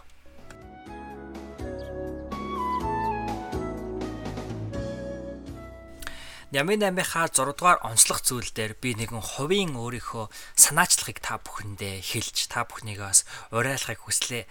Тэгээд энэхүү 6 дахь зүйл маань юу вэ гэхээр а та бүхэн ажигласан бол яг Ямын 8-ын энэхүү 11 дугаар дугаар маань нилээн ажлыг ер нь бол хоошин тавиха болиё гэдэг утга санааг агуулад байгаа юм шиг санагдаад байгаа. Одоо хамгийн анхны нэгдүгээр зүйл маань болохоор хэрхэн одоо бясалгал хийснээр тийм ээ зөвхөн альва зүйл хариу үзүүлэх сэтгэлгээтэй бус харин санаачлагтай идэвхтэй сэтгэлгээтэй болох тухай байсан шүү дээ. Тэгэхээр мэдээч хэрэг альва зүйлд хариу үзүүлж тийм байдлаар амьдарч тийм сэтгэлгээтэй байна гэдэг бол альва зүйлийг хоош нь тавихтай яг адилхан. Харин санаачлагын сэтгэлгээтэй байснаар өнөөдөр бид нэр илүү их зүйлийг бий болгож илүү их зүйлийг цаг тухайд намжуулж чадах юм болов гэж. Тэгээ миний хувьд ч гэсэндээ сүүлийн хэдэн сар бол өөрөөсөө их ажиллаж исэн зүйл бол их юмыг бол хоош нь тавьж исэн. А энэ бол мэдээж хэрэг миний хувь хувь хүний хувьд бол альва зүйлийг хоош нь тавих, ажлаа хоош нь тавих надад их тийм миний одоо сул талуудын нэг гэж би өөр үздэг. Та бүхэн бас өөрсдөө тэгж бодж ивэл миний санаачлагыг та бүхэн бас хэрэгжүүлээрэй гэж. Тэгэхээр хэдүүлээ ажлаа ажлаа хоошлоо. За ажиллаарай. Ажлаа хоошлуулахгүй 12 дугаар сар гэж энэхүү 12 дугаар сарыг зарлая. Өнөөдөр бол 12 сарын 3-ны өдөр тийм ээ. Ням гараг. Маргааш 12 дугаар сарын 4-ний өдөр. 12 дугаар сарын хамгийн ихний бүтэн 7 хоног. Тэгэхээр хэдүүлээ энэхүү бүтэн 7 хоногт ажлаа хоош нь тавихгүй яг ингээд хийх ёстой зүйлээ цаг тухайд нь хийгээд явцгаая гэж. Тэгээд энэхүү зүйлийг яг энэхүү санаачлагыг би зүгээр нэг санаачлага уриалга байдлаар биш харин нямын намынхаа өөрийнхөө энэ 11 дугаар дугаарын 8 дугаар онцлог зүйл дээр би та бүхэндээ би 8 асуулт бэлдсэн байгаа. Тэгэхээр энэхүү 8 асуулт маань а 7 хоног бүрийн сүүлээр өөрөөсөө асуух таны хувийн нями 8-тай байх юм байна. Тэгээд энэхүү нями 8-ийн 8 зүйл маань та бүхний амьдрал ч гэсэн нөлөөлж а нөлөөлөх болов гэж би өөртөө итгэж байна. Тэгээд тэрийг болохоор яг энэ 8 асуултаа яг 8 дугаар зүйл дээр тус тусд нь яриа тийм ээ. А харин одоо энэ 6 дугаар зүйл дээр би та бүхэн юу ижлэмээр нэхэр Ty Lopez гэж та бүхэн сонсч ирсэн баг. Нэг юм YouTube дээр ингээд заримдаа бичлэг үзэхэд орохоор ингээд Ty Lopez I'm here in my garage with my Lamborghini гэл нэг нэг Ty-гээ залуу нэг Lamborghini-тэй номын сантай маш их гаражинда номын сангаа хийцэн нэг залуу ингээд юм яриад идэг штэ. Түүний зарим хүмүүс маш одоо зүгээр юм худал хуурмаг гар гэдэг талаас нь харж үздэг. А би ч гэсэн бол тэр хүнийг бол нэх тэгээд бас өөрийнхөө хийсэр менторууд шиг ингээд тогтмол бол хараад үзээд байдаггүй. А гэхдээ хид хідэн ярилцлага хид хідэн бичлэгүүдийг нь бол үзсэн тэр хүний баримталдаг үзэл баримтлал эдгээр зүйл надад маш их таалагддаг. А тэр хүнийг бол худал хуурмагч юм уу зүгээр мөнгө олох санаатай тийм хүн гэж би хардаггүй. Амьдралынхаа тодорхой хэсэг хугацааг маш одоо хүнд хэцүү амьдрал өнгөрөөж түүнийг харж ажиглаж өөрийнхөө амьдралыг өөрчлөхийн тулд маш одоо гайхалтай гайхалтай алмуудыг авсан тийм эрхэн байд юм бэлээ. Тэгээ тэр тэрний бичсэн нэг юм пост байдаг Facebook дээр. Хүн яагаад ажлаа хоош нь тавьдаг вэ гэж. Тэгэхээр цорын ганц шалтгаан нь тэр хүний үзэж байгаагаар. Тэгээ тэр хүн мод өөрөө баг өдөрт нэг ном уншдаг гэж өөрийгөө нийтэд дэлгдэг хүн шүү. Тийм учраас бол түүний ярьж байгаа зүйлүүд маань бас нэлээд их ном судалгаан дээр үндэслэн байд юм байлаа. Тэгээ сэтгэлзэн хувьд хүн яагаад аливаа зүйлийг хоош нь тавьдаг хамгийн нэн төрөний чухал шалтгаан нь юу гэх юм бол ирээдүйд юу болохоо мэдтгүү гэж. Тэгээд Хайлопц энэ асуултыг асуусан байсан. Хэрвээ та өм 2 жилийн өмнө өнөөдрөөс эхэлж 7 хоног болгон тогтмол биеийн тамирын дасгал хийнэ гэж өөртөө амласан энэ амлалтандаа хүрч 7 хоног хоногийн турш өдөр болгон тогтмол за 7 хоногийн турш тогтмол 2 жилийн хугацаанд та биеийн тамирын дасгалаа тогтмол хийсэн бол өнөөдөр таны бие махбод эрүүл мэнд ямар өөр ах байсан бол тийм ээ. Магадгүй та 6 сарын өмнө эхлүүлсэн хоолны дэглэмээ 7 хоногийн турш маш зөв дагаад 6 сарын турш ингээд тэр хоолны дэглэмдээ өөрийнхөө амьдралд хэрэгжүүлж чадсан бол өнөөдөр та ямар хөссөн жингээ хайцсан ч юм аль эсвэл хөссөн жиндээ нэмээд хөрчихсөн ч юм уу эрүүл мэндийн хувьд бие махбодын хувьд ямар өөр байх вэ бодоод үзээрэй гэж. Хэрвээ та 6 сарын за 8 сарын өмнө эхлүүлсэн мөнгө хадгалах тэрхүү зуршлаа тогтмол 8 сарын турш хийж чадсан бол та өнөөдөр 8 сарын хугацаанд ямар их мөнгө хадгалж чадсан байсан бол гих мэтчлэн асуултуудыг өөрсдөө асуугаад үзээрэй гэж тайл опц зөвлөсөн байсан.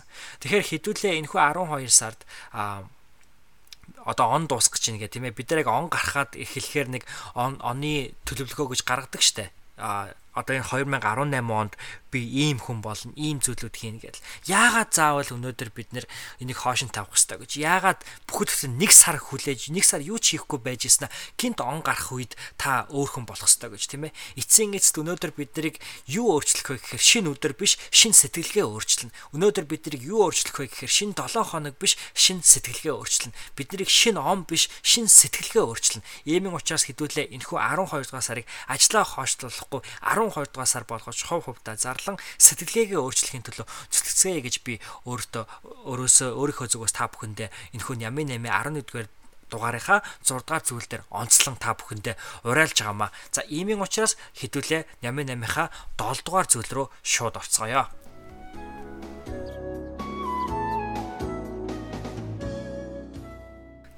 За Ями 8-ийнхаа 7 дугаар зүйл дээр би онц юу онцлохыг хүссэн бэ гэхээр миний хийсэр менторуудын нэг Lewis Howes саяхан The Mask of Masculinity гэж ном гаргасан шүү дээ. А тэрхүү номын дараагаас дахин бас нэг ном гаргасан байгаа. Энэ ном нь болохоор баячуудын сайтнуудын өглөөний дэглэм гэдэг ийм ном байгаа. А энэ номын онцлог нь юу вэ гэх юм бол маш жижигхэн ном. А гэхдээ энэ ном маань үнэгүй. А Lewis House маань энэ номыгаа үнэгүй хүмүүст өгч байгаа. А гэхдээ та нөгөө худалдан аваад худалдан авалтын төлбөртөө юу өгч юу өгөх ёстой вэ гэх юм бол нөө shipping болон handling мөнгө. Өөрөөр хэлбэл Америкийн нэгдсэн улсын нэг хотоос ч юм уу аль нэг өөр улс руу илгээх тэрхүү төлбөрийг нь та төлөхөд яг номондоо бол төлбөр төлөхгүйгээр тэр номыг авч байгаа юм байлаа. Тэгээ Льюис Хаус энэ 7 хоногт баяч баячуудын дадал гээд өөрийнхөө туршлага, өөрийнхөө судалгаан дээр үндэслэлсэн нэгэн подкаст дугаарыг бол хүргэсэн байгаа. Өөрөө бол 500 гаруй подкаст нэвтрүүлгийг дэлхийн дээр байгаа хамгийн амжилттай хүмүүстээс бол ярилцлага авч өөрийнхөө судалгаа судалгаа шинжилгээнд дээр үндэслэлсэн подкаст дугааруудыг хүргээд 500 гаруй дугааруудыг бол хүргэсэн байгаа. Тэгээ энэ хүү одоо судалгаан дээр үндэслээд баячуудын дунд хамгийн их ажиглагдсан ер нь баячууд гэхээс илүүтэйгээр амжилттай хүмүүсийн дунд хамгийн их ажиглагдсан 8 зуршлыг тэрхүү подкастаар хүргэсэн. А үн 8 зуршил дээр нэмээд өөр хид хідэн зуршлуудыг бол яг тэрхүү номон дээр бичсэн байгаа юм байна. Тэгэхээр тэрхүү 8 зуршлыг би та бүхэндээ хүргье гэж. За хамгийн ихний 8 зуршил хамгийн амжилттай явж байгаа хүмүүсийн хамгийн нэгдүгээр зуршил бол тэд тогтмол уншдаг гэж. Тэд өдөрт хитэн цагаарч хамаагүй уншдаг. Өглөөс ирээд өглөөс ирээд янз бүрийн ном бол заавал уншдаг, орой унтахаас өмнө ном уншдаг ч юм уу тийм ээ. А гэхдээ заавал хэрвээ та ном унших дургүй бол мэдээллийг заавал ном унших байдлаар хүлээн авах ёсгүй. Яагаад вэ гэхээр энэ эцсийн эцэст тэр тогтмол суралцдаг нь л хамгийн чухал юм. Тэгэхээр ном унших магадгүй таны зүйл биш байж болно. Өнөөдөр бид нар 21-р зуунд амьдарч байгаа. Бидний хамгийн том давуу тал бол бид нар өнөөдөр мэдээллийг маш олон байдлаар хүлээж авах боломжтой болсон шүү дээ. А одоо visual маягаар тийм ээ дүрс маягаар бид одоо YouTube-ээр ч юм уу телевизээр ч юм уу янз бүрийн вебсайтуудаар бичлэг маягаар бид нар мэдээллийг хүлээж авч болно. Аль эсвэл яг л инхүү подкаст сонсож байгаа байдлаар буюу одоо радиогоор ч юм уу сонсдог номоор ч юм уу бид нар мэдээллийг авч болно. Тэгэхээр хамгийн гол нь суралцах. Тэгэхээр амжилттай яваа хүмүүс маш тогтмол суралцж идэг. Мэдээллийг хүлээн яаж хүлээн авах та бус тухайн мэдээллийг хэрхэн боловсруулах нь хамгийн чухал гэдэг юм байна гэж. За Льюис Хаусын онцлсан хоёр дахь чухал дадал бол тэд тогтмол биеийн тамираар хичээлдэг. Richard Branson гэж Virgin Group-ийн захирлаас үүсгэн байгуулагчаас таны амжилтын нууц юу вэ гэж сухад фитнес гэж хариулж исэн байгаа. Тэгэхээр тэрээр бол өглөө 4 цаг 30 минутанд өглөө болгон сэрдэг гэж би санаж байна.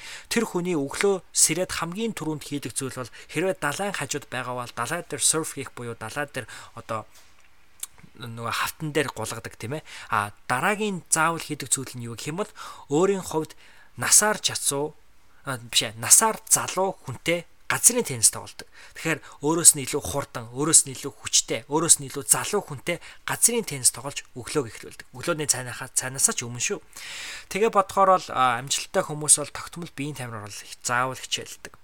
А би нэрийн буруу санааг бол Dan Millman гэж нэг хүний би подкаст саяхан сонссон. Тэгээ номыг нь бас би аваад тавьчихсан байгаа өвлийн амралтаараа унших гад.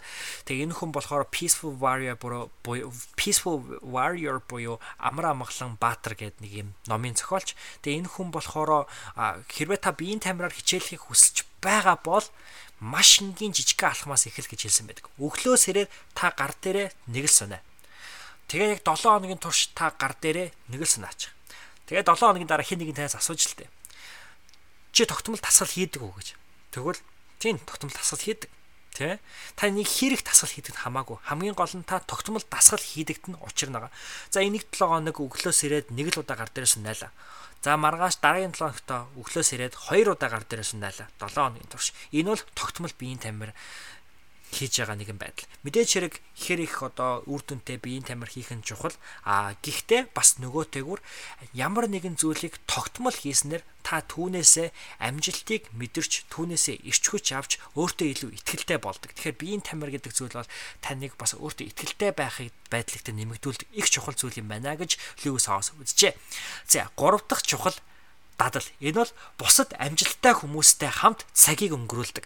За энэ нь болохоор өмнөх хоёрыгаа бодвол арай жоохон шалгуур шаардах зүйл байгааз өөрөөр хэлбэл тогтмол мэдээ мэдээл унших ч юм уу ном унших за айлсэл тогтмол биеийн тамир хичээлэх бол зөвхөн танаа шаарддаг зүйл. Та хин нэгэнтэй хамтдаа хийх шаардлагагүй.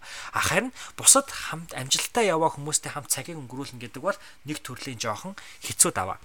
Тэгвэл та бодоод үзэх юм бол яг үнэндээ маш амархан. Заавал амжилттай хүн гэхээр өнөөдөр бид нэр Асашиоро аврахтай ч юм уу тийм ээ, Харума Фужи аврахтай ч юм уу, аль эсвэл Элон Масктай ч юм уу, аль эсвэл а одоо манай Shark Tank нэвтрүүлгийн шүүгч нартай ч юм уу эдгээр хүмүүстэй та нөхөрлөх эдгээр хүмүүстэй цагийг өнгөрүүлэх албагүй таны эргэн тойронд бол үргэлжийн амжилттай хүмүүс заавал байдаг гэж би итгэдэг зарим нэг хүмүүс бол үргэлж цаг туршид бол өөрийнхөө айл болох чадхыг бол хийхийг бол хичээдэг иймэн учраас таны эргэн тойронд тодорхой байдлаар хичээж байгаа тэрхүү хүнтэй цагийг илүү өнгөрүүлэхийг оролдоорой За өөр нэгэн арга гэвэл өнөөдөр оюутны холбоо, оюут их сургуулиуд дээр тийм ээ маш олон оюутны клубүүд бол байгаа.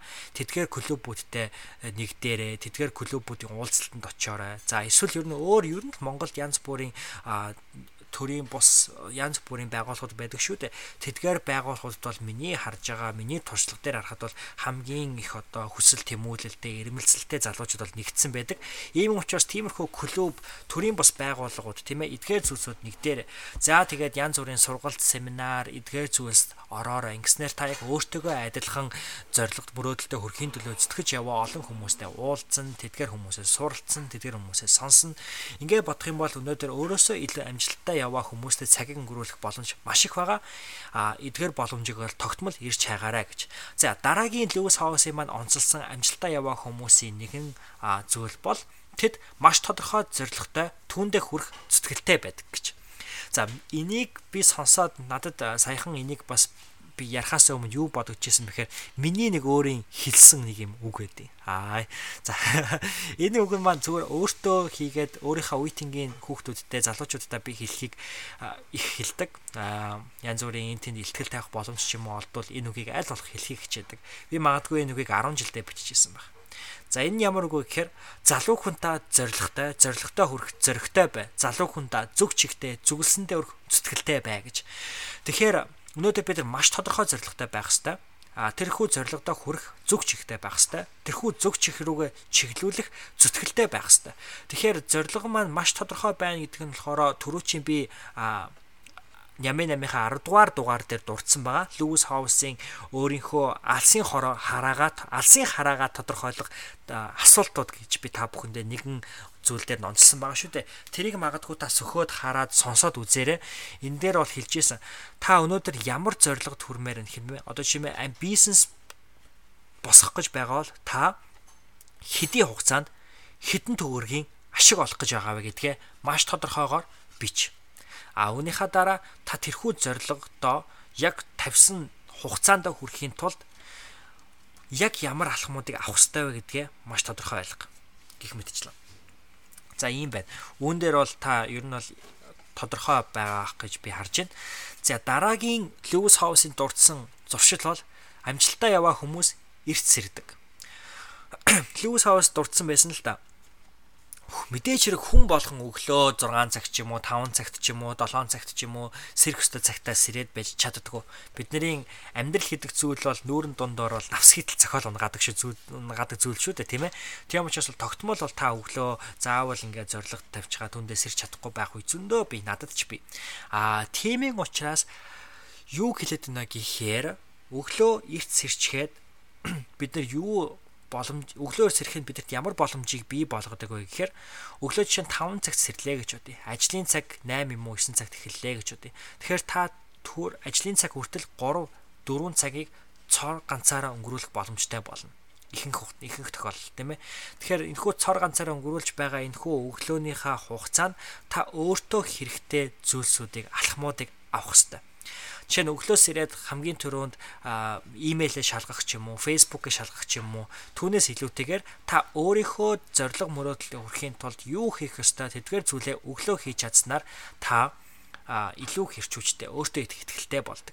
Тэгэхээр Лүүс хаус дурдсан байсан. Зарим өглөө эрт цэрээд чадахгүй байсан ч гэсэндээ дараа нэг өглөө эрт цэрээд өөрийнхөө өглөөний дэглэмийг хийснээр би өглөө сэрч чадаагүй өдрүүдээсээ илүү их амжилттай төр өдрийг өнгөрүүлдэг гэж. Тэгэхээр энэ бол яахын аргагүй үнэн гэж би бол итгэж байна. Та бүхний хувьд ч гэсэн мэдж байгаах өглөө эрт сэрээд, өглөө эрт төлөвлөөд, өглөө эрт эхлүүлээд, өглөө эрт өөрийнхөө хийх дуртай зүйлүүдийг хийгээд өөртөө зориулж өглөөг эхлүүлснээр тэр өдөр маш гайхалтай өнгөрдөг шүү дээ. За дараагийн амжилттай яваа хүмүүсийн нэгэн дадал бол тэд орлогын олон их үүсвэртэй байдаг. За Эхний ээлжинд бол мэдээж хэрэг та нэгэн одоо баскет буюу нэгэн савн дотор бол өөрийнхөө бүх өндөгнүүдийг бол оруулах магадaltaй. Ягаад гэвэл хөл дээрээ босхын тулд та нэгэн орлогын их үүсэр дээр эхний ээлжинд төвлөрч болно. Лүгс хаусны үед ч гэсэндээ хов өний хөгжлийн багш энэхүү подкастыг эхлүүлэхээс өмнө бол тэрээр LinkedIn гэж үүдэг тийм ээ мэрэгжлийн бизнес одоо сошиал медиа платформ хэмжилж болно. LinkedIn дээр LinkedIn-ийг хэрхэн зөв хэрэглэх вэ гэдэг сургалтыг хамгийн анх Льюис Хаус бол хийдэг байсан. Тэгэхээр нэг зүйлээс эхэлсэн. А хэдий тэрээр нэг зүйлээс эхэлж өөрийнхөө бизнесийн гараагаа эхлүүлсэн ч гэлээ одоо тэрээр маш олон зүйлүүдийг хийдэг. Жишээ нь нөхөө подкаст байна. Ном гаргадаг. Хурал семинар, вебинарууд хийж хүмүүст бол одоо илтгэл тавьж мөнгө олдог ч гэдэг юм. Олон олон орлогын их үүсвэртэй байдаг. Тэгэхээр орлон орлогын их үүсвэртэй байхын төлөө зүтгэх тэрхүү зүтгэл бол амжилтаа яваа хүмүүсийн нэгэн чухал одоо дадал нэгэн зохон журшил юм байна гэдгийг Льюис Хаус ажигласан юм байна гэж. За дараагийн зүйл. Энэ болохоор Льюис Хаусын дараагийн онцлсан дадал болохоор тэд үргэлж ментор буюу багш нартай байдаг. За тэгэхээр би нямын аймууд дээр маш олон энэхүү хийсэр ментор гэдэг үгийг хэрэгэлсэн тийм ээ. Заавал ментор гэхээр та тэр хүнтэй тэр хүн таныг таньдаг ч юм уу тэр хүн таныг тантай уулзч байсан байх албагүй. Та өнөөдөр хин нэгэн шүтэж явдаг, хайрлж явдаг, хүндэлж явдаг хүнээ хийсэр ментора гэж үнэхээр дотроо итгээд тэр хүний хийж байгаа үг үйлдэл энэ болгоныг үргэлж сонсож ойлгож яагаад энэ хүн энэ тохиолдолд ийм зүйл хийв, яагаад энэ хүн өнөөдөр ийм ийм бүтээлүүд гаргав тийм ээ. Энэ зүйлийг нь үргэлж ажиглаж байгаарэ. За мэдээж хэрэг яг таныг таньдаг, таныг үргэлж төшч чулдаг, танд хийх ёстой зүйлийг нь хэлдэг тийм ментортой болох чухал А гэхдээ танд хэрвээ тэр боломж хараахан үгүй бол та өөрийнхөө дотоод хийсэр менторуудыг заавал бүтээгээрэй гэж би бол хүсэж байна. Миний хувьд бол хийсэр менторууд ч байдаг. А мөн яг амьдрал дээр уулзаад ярьдаг, надад зөвлөдөг маш олон ментор багш нарч байдаг. Тэдгээр хүмүүстэй би а маш их хайртай. А гэхдээ мэдээж хэрэг хийсэр менторуудын маань олгож байгаа тэрхүү боломж нь юу вэ гэх юм бол тэдгээр хүмүүс л үргэлжийн онлайн хийж идэг. Миний хийсэр менторууд бол байнгын блог ч юм уу, байнгын подкаст ч юм уу, байнгын бичлэг бол хүргэж идэг. Тэгэхээр тэд нар энэ тэдгээр платформудаараа дамжуулж надад өөрийнхөө амьдралыг тогтмол хүргэснээр би тэр хүмүүсийг ер нь хинбэ гэдгийг маш сайн ойлгож авам тийм ээ. Ингэснээрээ магадгүй миний амьдрал нэгэн чухал асуулт гарч ирэх үед би тэр үед миний оронд хэрэг team fair хийсэн бол юу хийх байсан бол гэж асуух ч юм уу ийм үеуд бол гарч ирдэг ээ. Аа үнэхээр амьдрал хүнд хэцүү асуух асуулт гардаг ч юм уу та нэгэн одоо амьдралтаа ингээ буруу зүгрээ алхаач байгаа юм уу ийм тохиол гарах үед бол тулах очиод уулзах ийм багштай байх гэдэг бол маш гайхалтай. Тэгэхээр тэрхүү багшийг бас заавал олоор гэж та бүхэндээ бас сануулж илъя гэж. За ингээд Lewis House-ийн манд хамгийн сүүлд дурдсан амжилтаа яваа хүмүүсийн дунд ажиллагдсан нэгэн чухал зуршил, дадал, айл эсвэл зан чанар бол энэ бол эерэг байдал. Тэгэхээр амжилтаа явах хүмүүс бол үргэлжийн эрг байдаг. Тэгэхээр эрг байна гэхээр таны бодол болгон заавал маш эрг байх ёсгүй. Хамгийн гол нь та эрг байх гэж оролдох хэрэгтэй. Dan Millman гэж би яг түрүүнд дурдсан хүн бол нэгэн подкаст дээр бас хэлж исэн. Хэрвээ та та заавал эрг байх гэд бүх бодлоо хянаад байх хэрэггүй. Энэ харин ч танд зовлон болно. Үүний оронд та эрэг хүн шиг жүжигл гэж. Эрэг хүн байсан бол өнөөдөр өглөөс ирээд яах байсан бол? Эрэг хүн байсан бол өнөөдөр та амьдралын янз бүрийн хэцүү цаг мөчүүдэд яаж түнд одоо хариу үзүүлэх байсан бол тийм ээ. Эрэг байх гэж жүжигл гэж. Аа тэгэхээр хүн болгонд л сөрөг бодол орж ирдэг. Аа гэхдээ танд сөрөг тэрхүү бодол тэрхүү сөрөг үйлдэлээ илэрхийлэх үү үгүй юу гэдэг боломж үргэлж таны гарт байдаг. Тийм ээ. Ron зааж би нэрийг буруу санджиж магадгүй. Гэхдээ саяхан би бас нэг Lewis House-ийн нэгэн 5 минутын илтгэлийг сонсч исэн чинь нэг бүсгүй өөрийнхөө нэгэн аргыг бас дурдсан байсан. Mel Robbins гэдэг бүсгүй юм. Тэр арга нь болохоор 5 секундын арга гэж. Өнөөдөр та ингээл нэг л болохгүй ч юм уу? Ингээд ерөөсө сөрөг сэтгэлгээтэй байгаад ч юм уу тийм ээ. Аль эсвэл ингээл нэг л бухимдаад ивэл дотроо яг л наасаагаас пуужин хөөрөх гэж байгаа мэт 5 тоол гэж. 5 4 3 2 1 0 гэт ингээл нүдэ нэгээл та яг өөртөө итгэх хэрэгтэй. За одоо би тэрхүү өөрийнхөө сөрөг хандлагыг үгүй хийчлээ. Яг одоо би эрэг байх болно. Та та юусе төвлөрөхгүй байсан бол 5 тоолоод яг одоо би төвлөрч эхэлнэ гэд өөртөө итэг. Хамгийн гол нь өөртөө итгэснээр та төвлөрч чадна. Та өөртөө итгэсэн та эрэг байж чадна. Хамгийн гол нь та өөртөө итгэх хэрэгтэй шүү гэж. За ингээд 88-ийнхаа онцлог 7 дугаар зүйл дээр Lewis Howes-ийн 500 гаруй дугаарууд дээр оролцсон хүмүүсийн дунд ажиглагдсан хамгийн гайхалтай зуршил зан чанаруудыг та бүхэндээ онцллоо гэж. За ингээ хэдүүлээ Нями 8-ийнхаа 8 дугаар онцлог зүйл рүү орцгоё.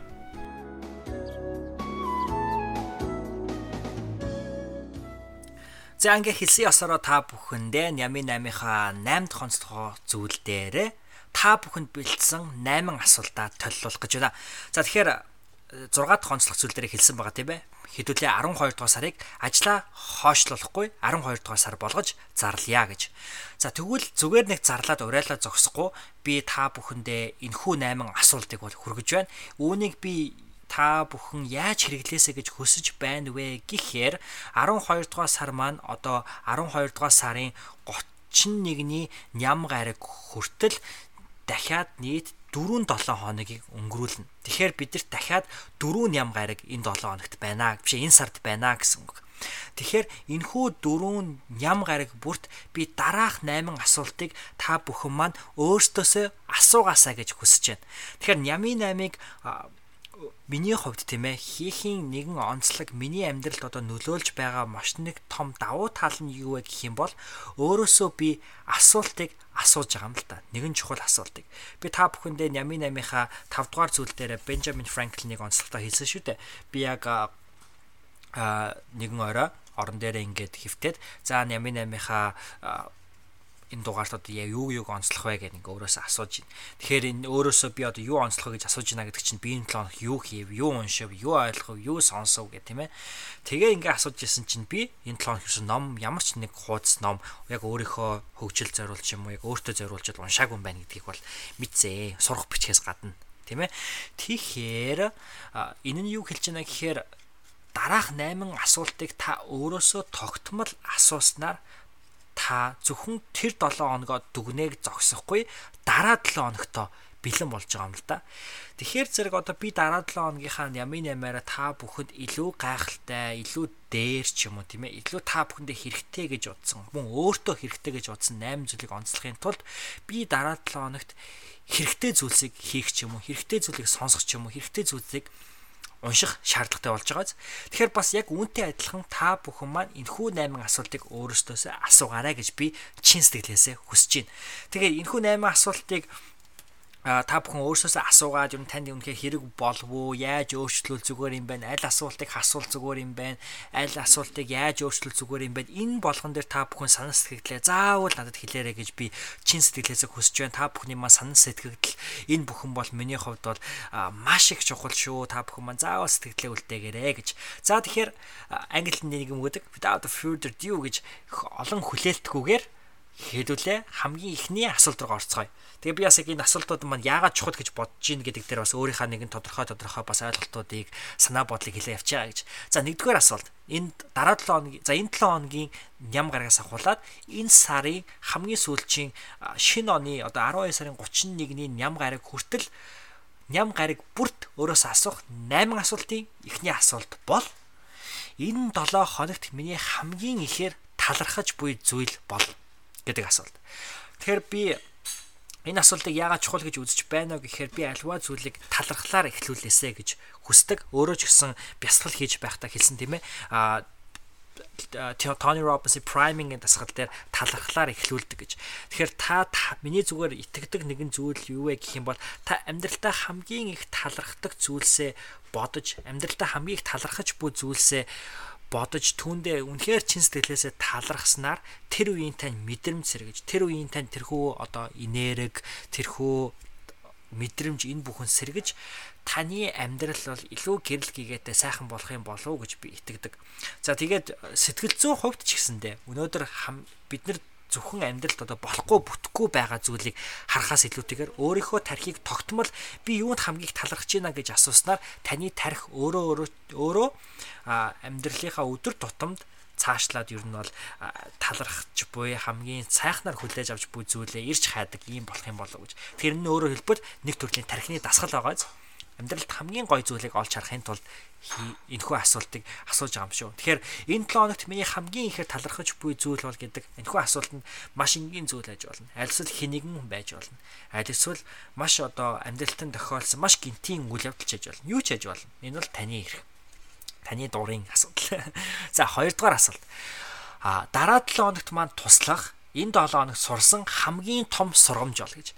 Ями 8-ыг хийдэг миний хамгийн нэг чухал шалтгаан гэвэл би зөвхөн миний амьдралд хийгээд та бүгдийн хүм нэг бүрийн амьдрал тэрхүү 7 хоног өдөр болгон минут болгон асар их сургамжийг дагуулж явдгийн болов уу гэж би итгэдэг.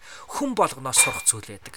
Өнөөдөр тантай уулзж байгаа, тантай зөрөөд өнгөрсөн хүн болгоноос ямар нэгэн сурах авах зүйл байгаа. Иймийн учраас таны тэрхүү өнгөрүүлсэн 7 хоногт ч гэсэндэ авах зүйл байгаа. Ийм учраас тэрхүү хамгийн авах ёстой зүйлээ хайгаад авахыг нь аваад дараа 7 хоногтоо хэрэглээсэ гэж энэхүү асуултыг асууж байгаа юм шүү. За 3 дугаар асуулт. Энэ 7 хоногт надад хамгийн том нөлөө үзүүлсэн тэр хүн бол гэдэг асуулт. За тэгэхээр би яг энэхүү асуултан дээр хинч байж болно гэж та бүхэндээ бас сануулж хэлмээр байна яг миний одоо хэлээдэг хийсэр ментор ч хийж болно шүү дээ тийм ээ. YouTube дээр үтсэн нэгэн гайхалтай бичлэг хийсэн хүн. Аль эсвэл өнөөдөр тань руу зүгээр нэмсэглээд өнгөрүүлсэн өнгөрсөн хүн. Аль эсвэл танд үнэхээр сонсхийг хүсчээсэн хэрэгтэй байсан үгийг танд хэлсэн тэр хүн хатууж байсан, хүндж байсан, аль эсвэл зөөлөнж байсан хамаагүй тэр хэрэгтэй үгийг танд хэлсэн хүн. Аль эсвэл танд үнэхээр их урам хайрлсан хүн тань үнэхээр хэрчүүж хайрлсан хүн. Аль эсвэл таныг үнэхээр цангаж үлсэж явж байхад тань хоол өгсөн хүн ч юм уу тийм ээ. Хин ч байж болно. Тийм учраас тэрхүү хүнийг хүндээ талархаарай. Болж өгөө тэрхүү хүндээ энэ 7 хоногт үнэхээр талархсан гэдгийг мэдэгдээрэй. За дараагийн дөрөвт асуулт. Миний энэ 7 хоногт хийсэн зүйлс маань миний холын зорилгодоо хүрэхэд хэрхэн тусалсан бэ гэж. Тэгэхээр энэ асуултыг би яагаад асуух нь чухал гэж үзэж байна гэхээр нэгдүгээрт а та нэгт яг зорилгодоо хүрэхийн төлөө энэ 7 хоногт юу хийвэ гэдгээ дүгнэнэ. А хоёрдугаарт энэ асуултыг та одоо яг энэ ям гарагт асууснаар мөн та энэ дараагийн ям гарагт энэ асуулт эргээ тань дээр ирнэ гэдгийг мэдж байгаа учраас та дараах 7 хоногтоо яг зорилгодоо холын зорилгодоо хүрэх гэхэд хүрх шаардлагатай зүйлсээ хийх юм болов гэж би итгэж байгаа. Яг миний хувьд учир нь тэгдэг учраас хүний маш олон 7 хоногуд бол өнгөрдөг тийм ээ а ями нами маань энэ дугаарын 4 дугаар онцлогчдод Team Urban-ы нэг хүснэгтийг би та бүхэндээ онцолж хэлсэн байгаа шүү дээ. Тэр хүснэгтийг хараа та амьдрал яг үнэндээ ямар богинохон гэдгийг магадгүй ухаарж болох юм. Тийм учраас таны амьдралын 7 хоног болгон таны алсын зориг мөрөөдөлтөд хүрэхэд туслах болтугай гэж би хүсэж итгэж ерөөж байна гэх таахгүй. За ингээд ями нами маань энэхүү дугаарын дараагийн энэхүү онцлог зүйлийн маань дараагийн чухал асуулт нь юу гэх юм бол Миний уншсан хамгийн хэрэгтэй ном зохиол аль эсвэл мэдээ артикл юу байсан бэ гэж. Тэгэхээр та ямар нэгэн байдлаар мэдээлэл хүлээж авсан. Тийм ээ? Уншсан ч юм уу, сонссон ч юм уу, тийм ээ? Ийм ном зохиол аль эсвэл мэдээ артикл байлаа. Тэгвэл та тэрхүү мэдээ артиклаа эргээд санаа зогсохгүй энэ мэдээ артикл танд маань таны таны маань өдөрт 7 хоногт хэрхэн нөлөөлсөн бэ гэдгийг бас эргээд санаарай. Энэхүү артикл маань эргээд бас энэхүү ном зохиол маань эргээд таны дараах эх 7 хоногудад яаж туслах бол бодоорой гэж би бас хүсэж байна. Зя. 6 дахь асуулт. Энэ 7 хоногт тогтмол үйлдсэн хамгийн зөв зуршил маань юу байв? Тэгэхээр энэ дугаар дээр хэдүүлээ бас баггүй хугацааг бол зуршил дээр өнгөрүүллээ тийм ээ. Ер нь бол миний Нями 8 нилээн зуршлуудын тухай яриад байдаг гэж магадгүй. Зуршил дадал гэдэг зүйл бол их чухал зүйл. Иймийн учраас та амьдралдаа маш чухал дадал зуршлуудыг бол заавал бий болгох ёстой. Иймээс та энэ 7 хоногт ямар чухал дадал зуршлыг өөрийнхөө амьдралд бий болгох гэж оролдов. Мөн дараа 7 хоногт тэр дадал зуршлаа одоо илүү хөгжүүлэх тийм ээ. Нөгөө нэг нэг зүйлийг тогтмол 21 удаа 21 өдөр дараалж хийснээр зуршил болдог гэдэг ийм судалгаа байдаг шүү дээ. А зарим хүмүүс бол 51 хоногч гэж үзэх тохиолдол бол байдаг. Тийм учраас энэ сарыг бол айл нэг ядаж нэг зуршил сонгоод та заавал 7 хоног болох өөр зуршил сонгох албагүй. Нэг зуршил энд 12 дугаар сардаа сонгоод тэр зуршил дээрээ л ажиллаарай гэж би та бүхэнд хүсэж байна. За дараагийн зүйл маань а дараагийн асуулт маань би энэ 7 хоногт хийх ёстой байсан ч хойш нь тавьсан зүйл юу вэ гэж. За тэгэхээр хэдүүлээ 12 дугаар сарыг ажлаа хойшлуулахгүй 12 дугаар сар гэж зарлаад байгаа шүү дээ. Ийм учраас хэдүүлээ 7 хоног болгоно бас дүгнэх хэрэгтэй тийм ээ яг энэ өнцгөөс нь. Хэдүүлээ энэ 7 хоног заавал хийх ёстой мөртлөө хойш нь тавьсан ажил юу байсан бэ? Хойш нь тавьсан зүйл юу байсан бэ гэдгийг тогтмол өөрөөсөө асуугаарай гэж. За хамгийн сүүлийн асуулт маань дараа 7 хоногийн өөртөө захиж хэлэх үгс. За энэ асуулт миний хувьд бол яг энэ 8 асуултын дундаас миний хамгийн дуртай асуулт. Яагаад вэ гэхээр өөрөө өөртөө үг захиж хэлнэ гэдэг чинь их гой зүйл байгаа. Өөрийнхөө амьдралын туршлага, өөрийнхөө өнгөрүүлсэн тэрхүү 7 хоног дээр үндэслээд та өөрийнхөө дараа 7 хоногийн өөртөө үг захиж хэлнэ. Тэгэхээр дараа 7 хоногийн та өөрийнхөө өмнөх 7 хоногийнхоо үгэндээ ороод тэрхүү захиасыг биелүүлэхийн төлөө зүтгэх хэрэгтэй шүү гэж.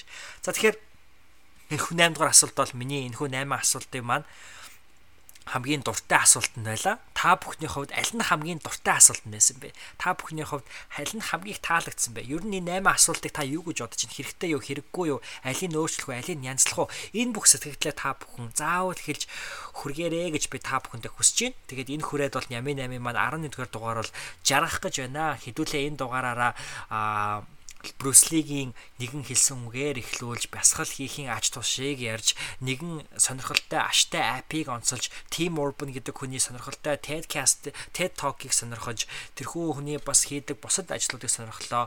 Мөн манай найз охины надад бэлгэлсэн нэгэн номын ачаар хэдүүлээ Benjamin Franklin гэдэг хүний тухай илүү сайхан ойлголттой болж авлаа. Мөн хэдүүлээ энэхүү 12 дугаар сарыг ажлаа хойшлуулахгүй 12 сар гэж зарлахаар боллоо.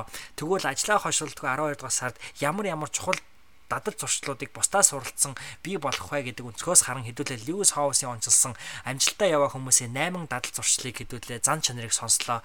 Хамгийн сүүлд нь хэдүүлээ дараа талаад энэ 12 дугаар сард өөрөөсөө тогтмол асуух, ням гараг бүр тогтмол асуух таны хувийн нями намыг та бүхэндээ бас асуултуудыг тань өөрийн бэлдсэн асуултуудыг та бүхэндээ би өргөн барьлаа. Энэхүү нями нами 8 асуултыг өөрсөндөө та бүхэн заавал хэрэглээрэй. Хэрвээ та үнэхээр би бас үнэхээр хүсэж байгаа зүйл нь гэвэл та бүхэн боломжтой бол энэхүү 8 асуултыг өөрсдөөсөө асуугаад #nyami8 гэж бичээд энэхүү 8 асуултанд бичсэн хариултаа та бүхэн заавал үлдээгээрэй гэж би та бүхнээсээ 7 хоног бүр заавал ингэж үлдээгээр гэж та бүхнээс үнэхээр хүсэж байна. Ингээд надтай хамт байсан баярлаа. Дараагийнхаа дугаараараа иргэн уулзцаая. Баяр таа.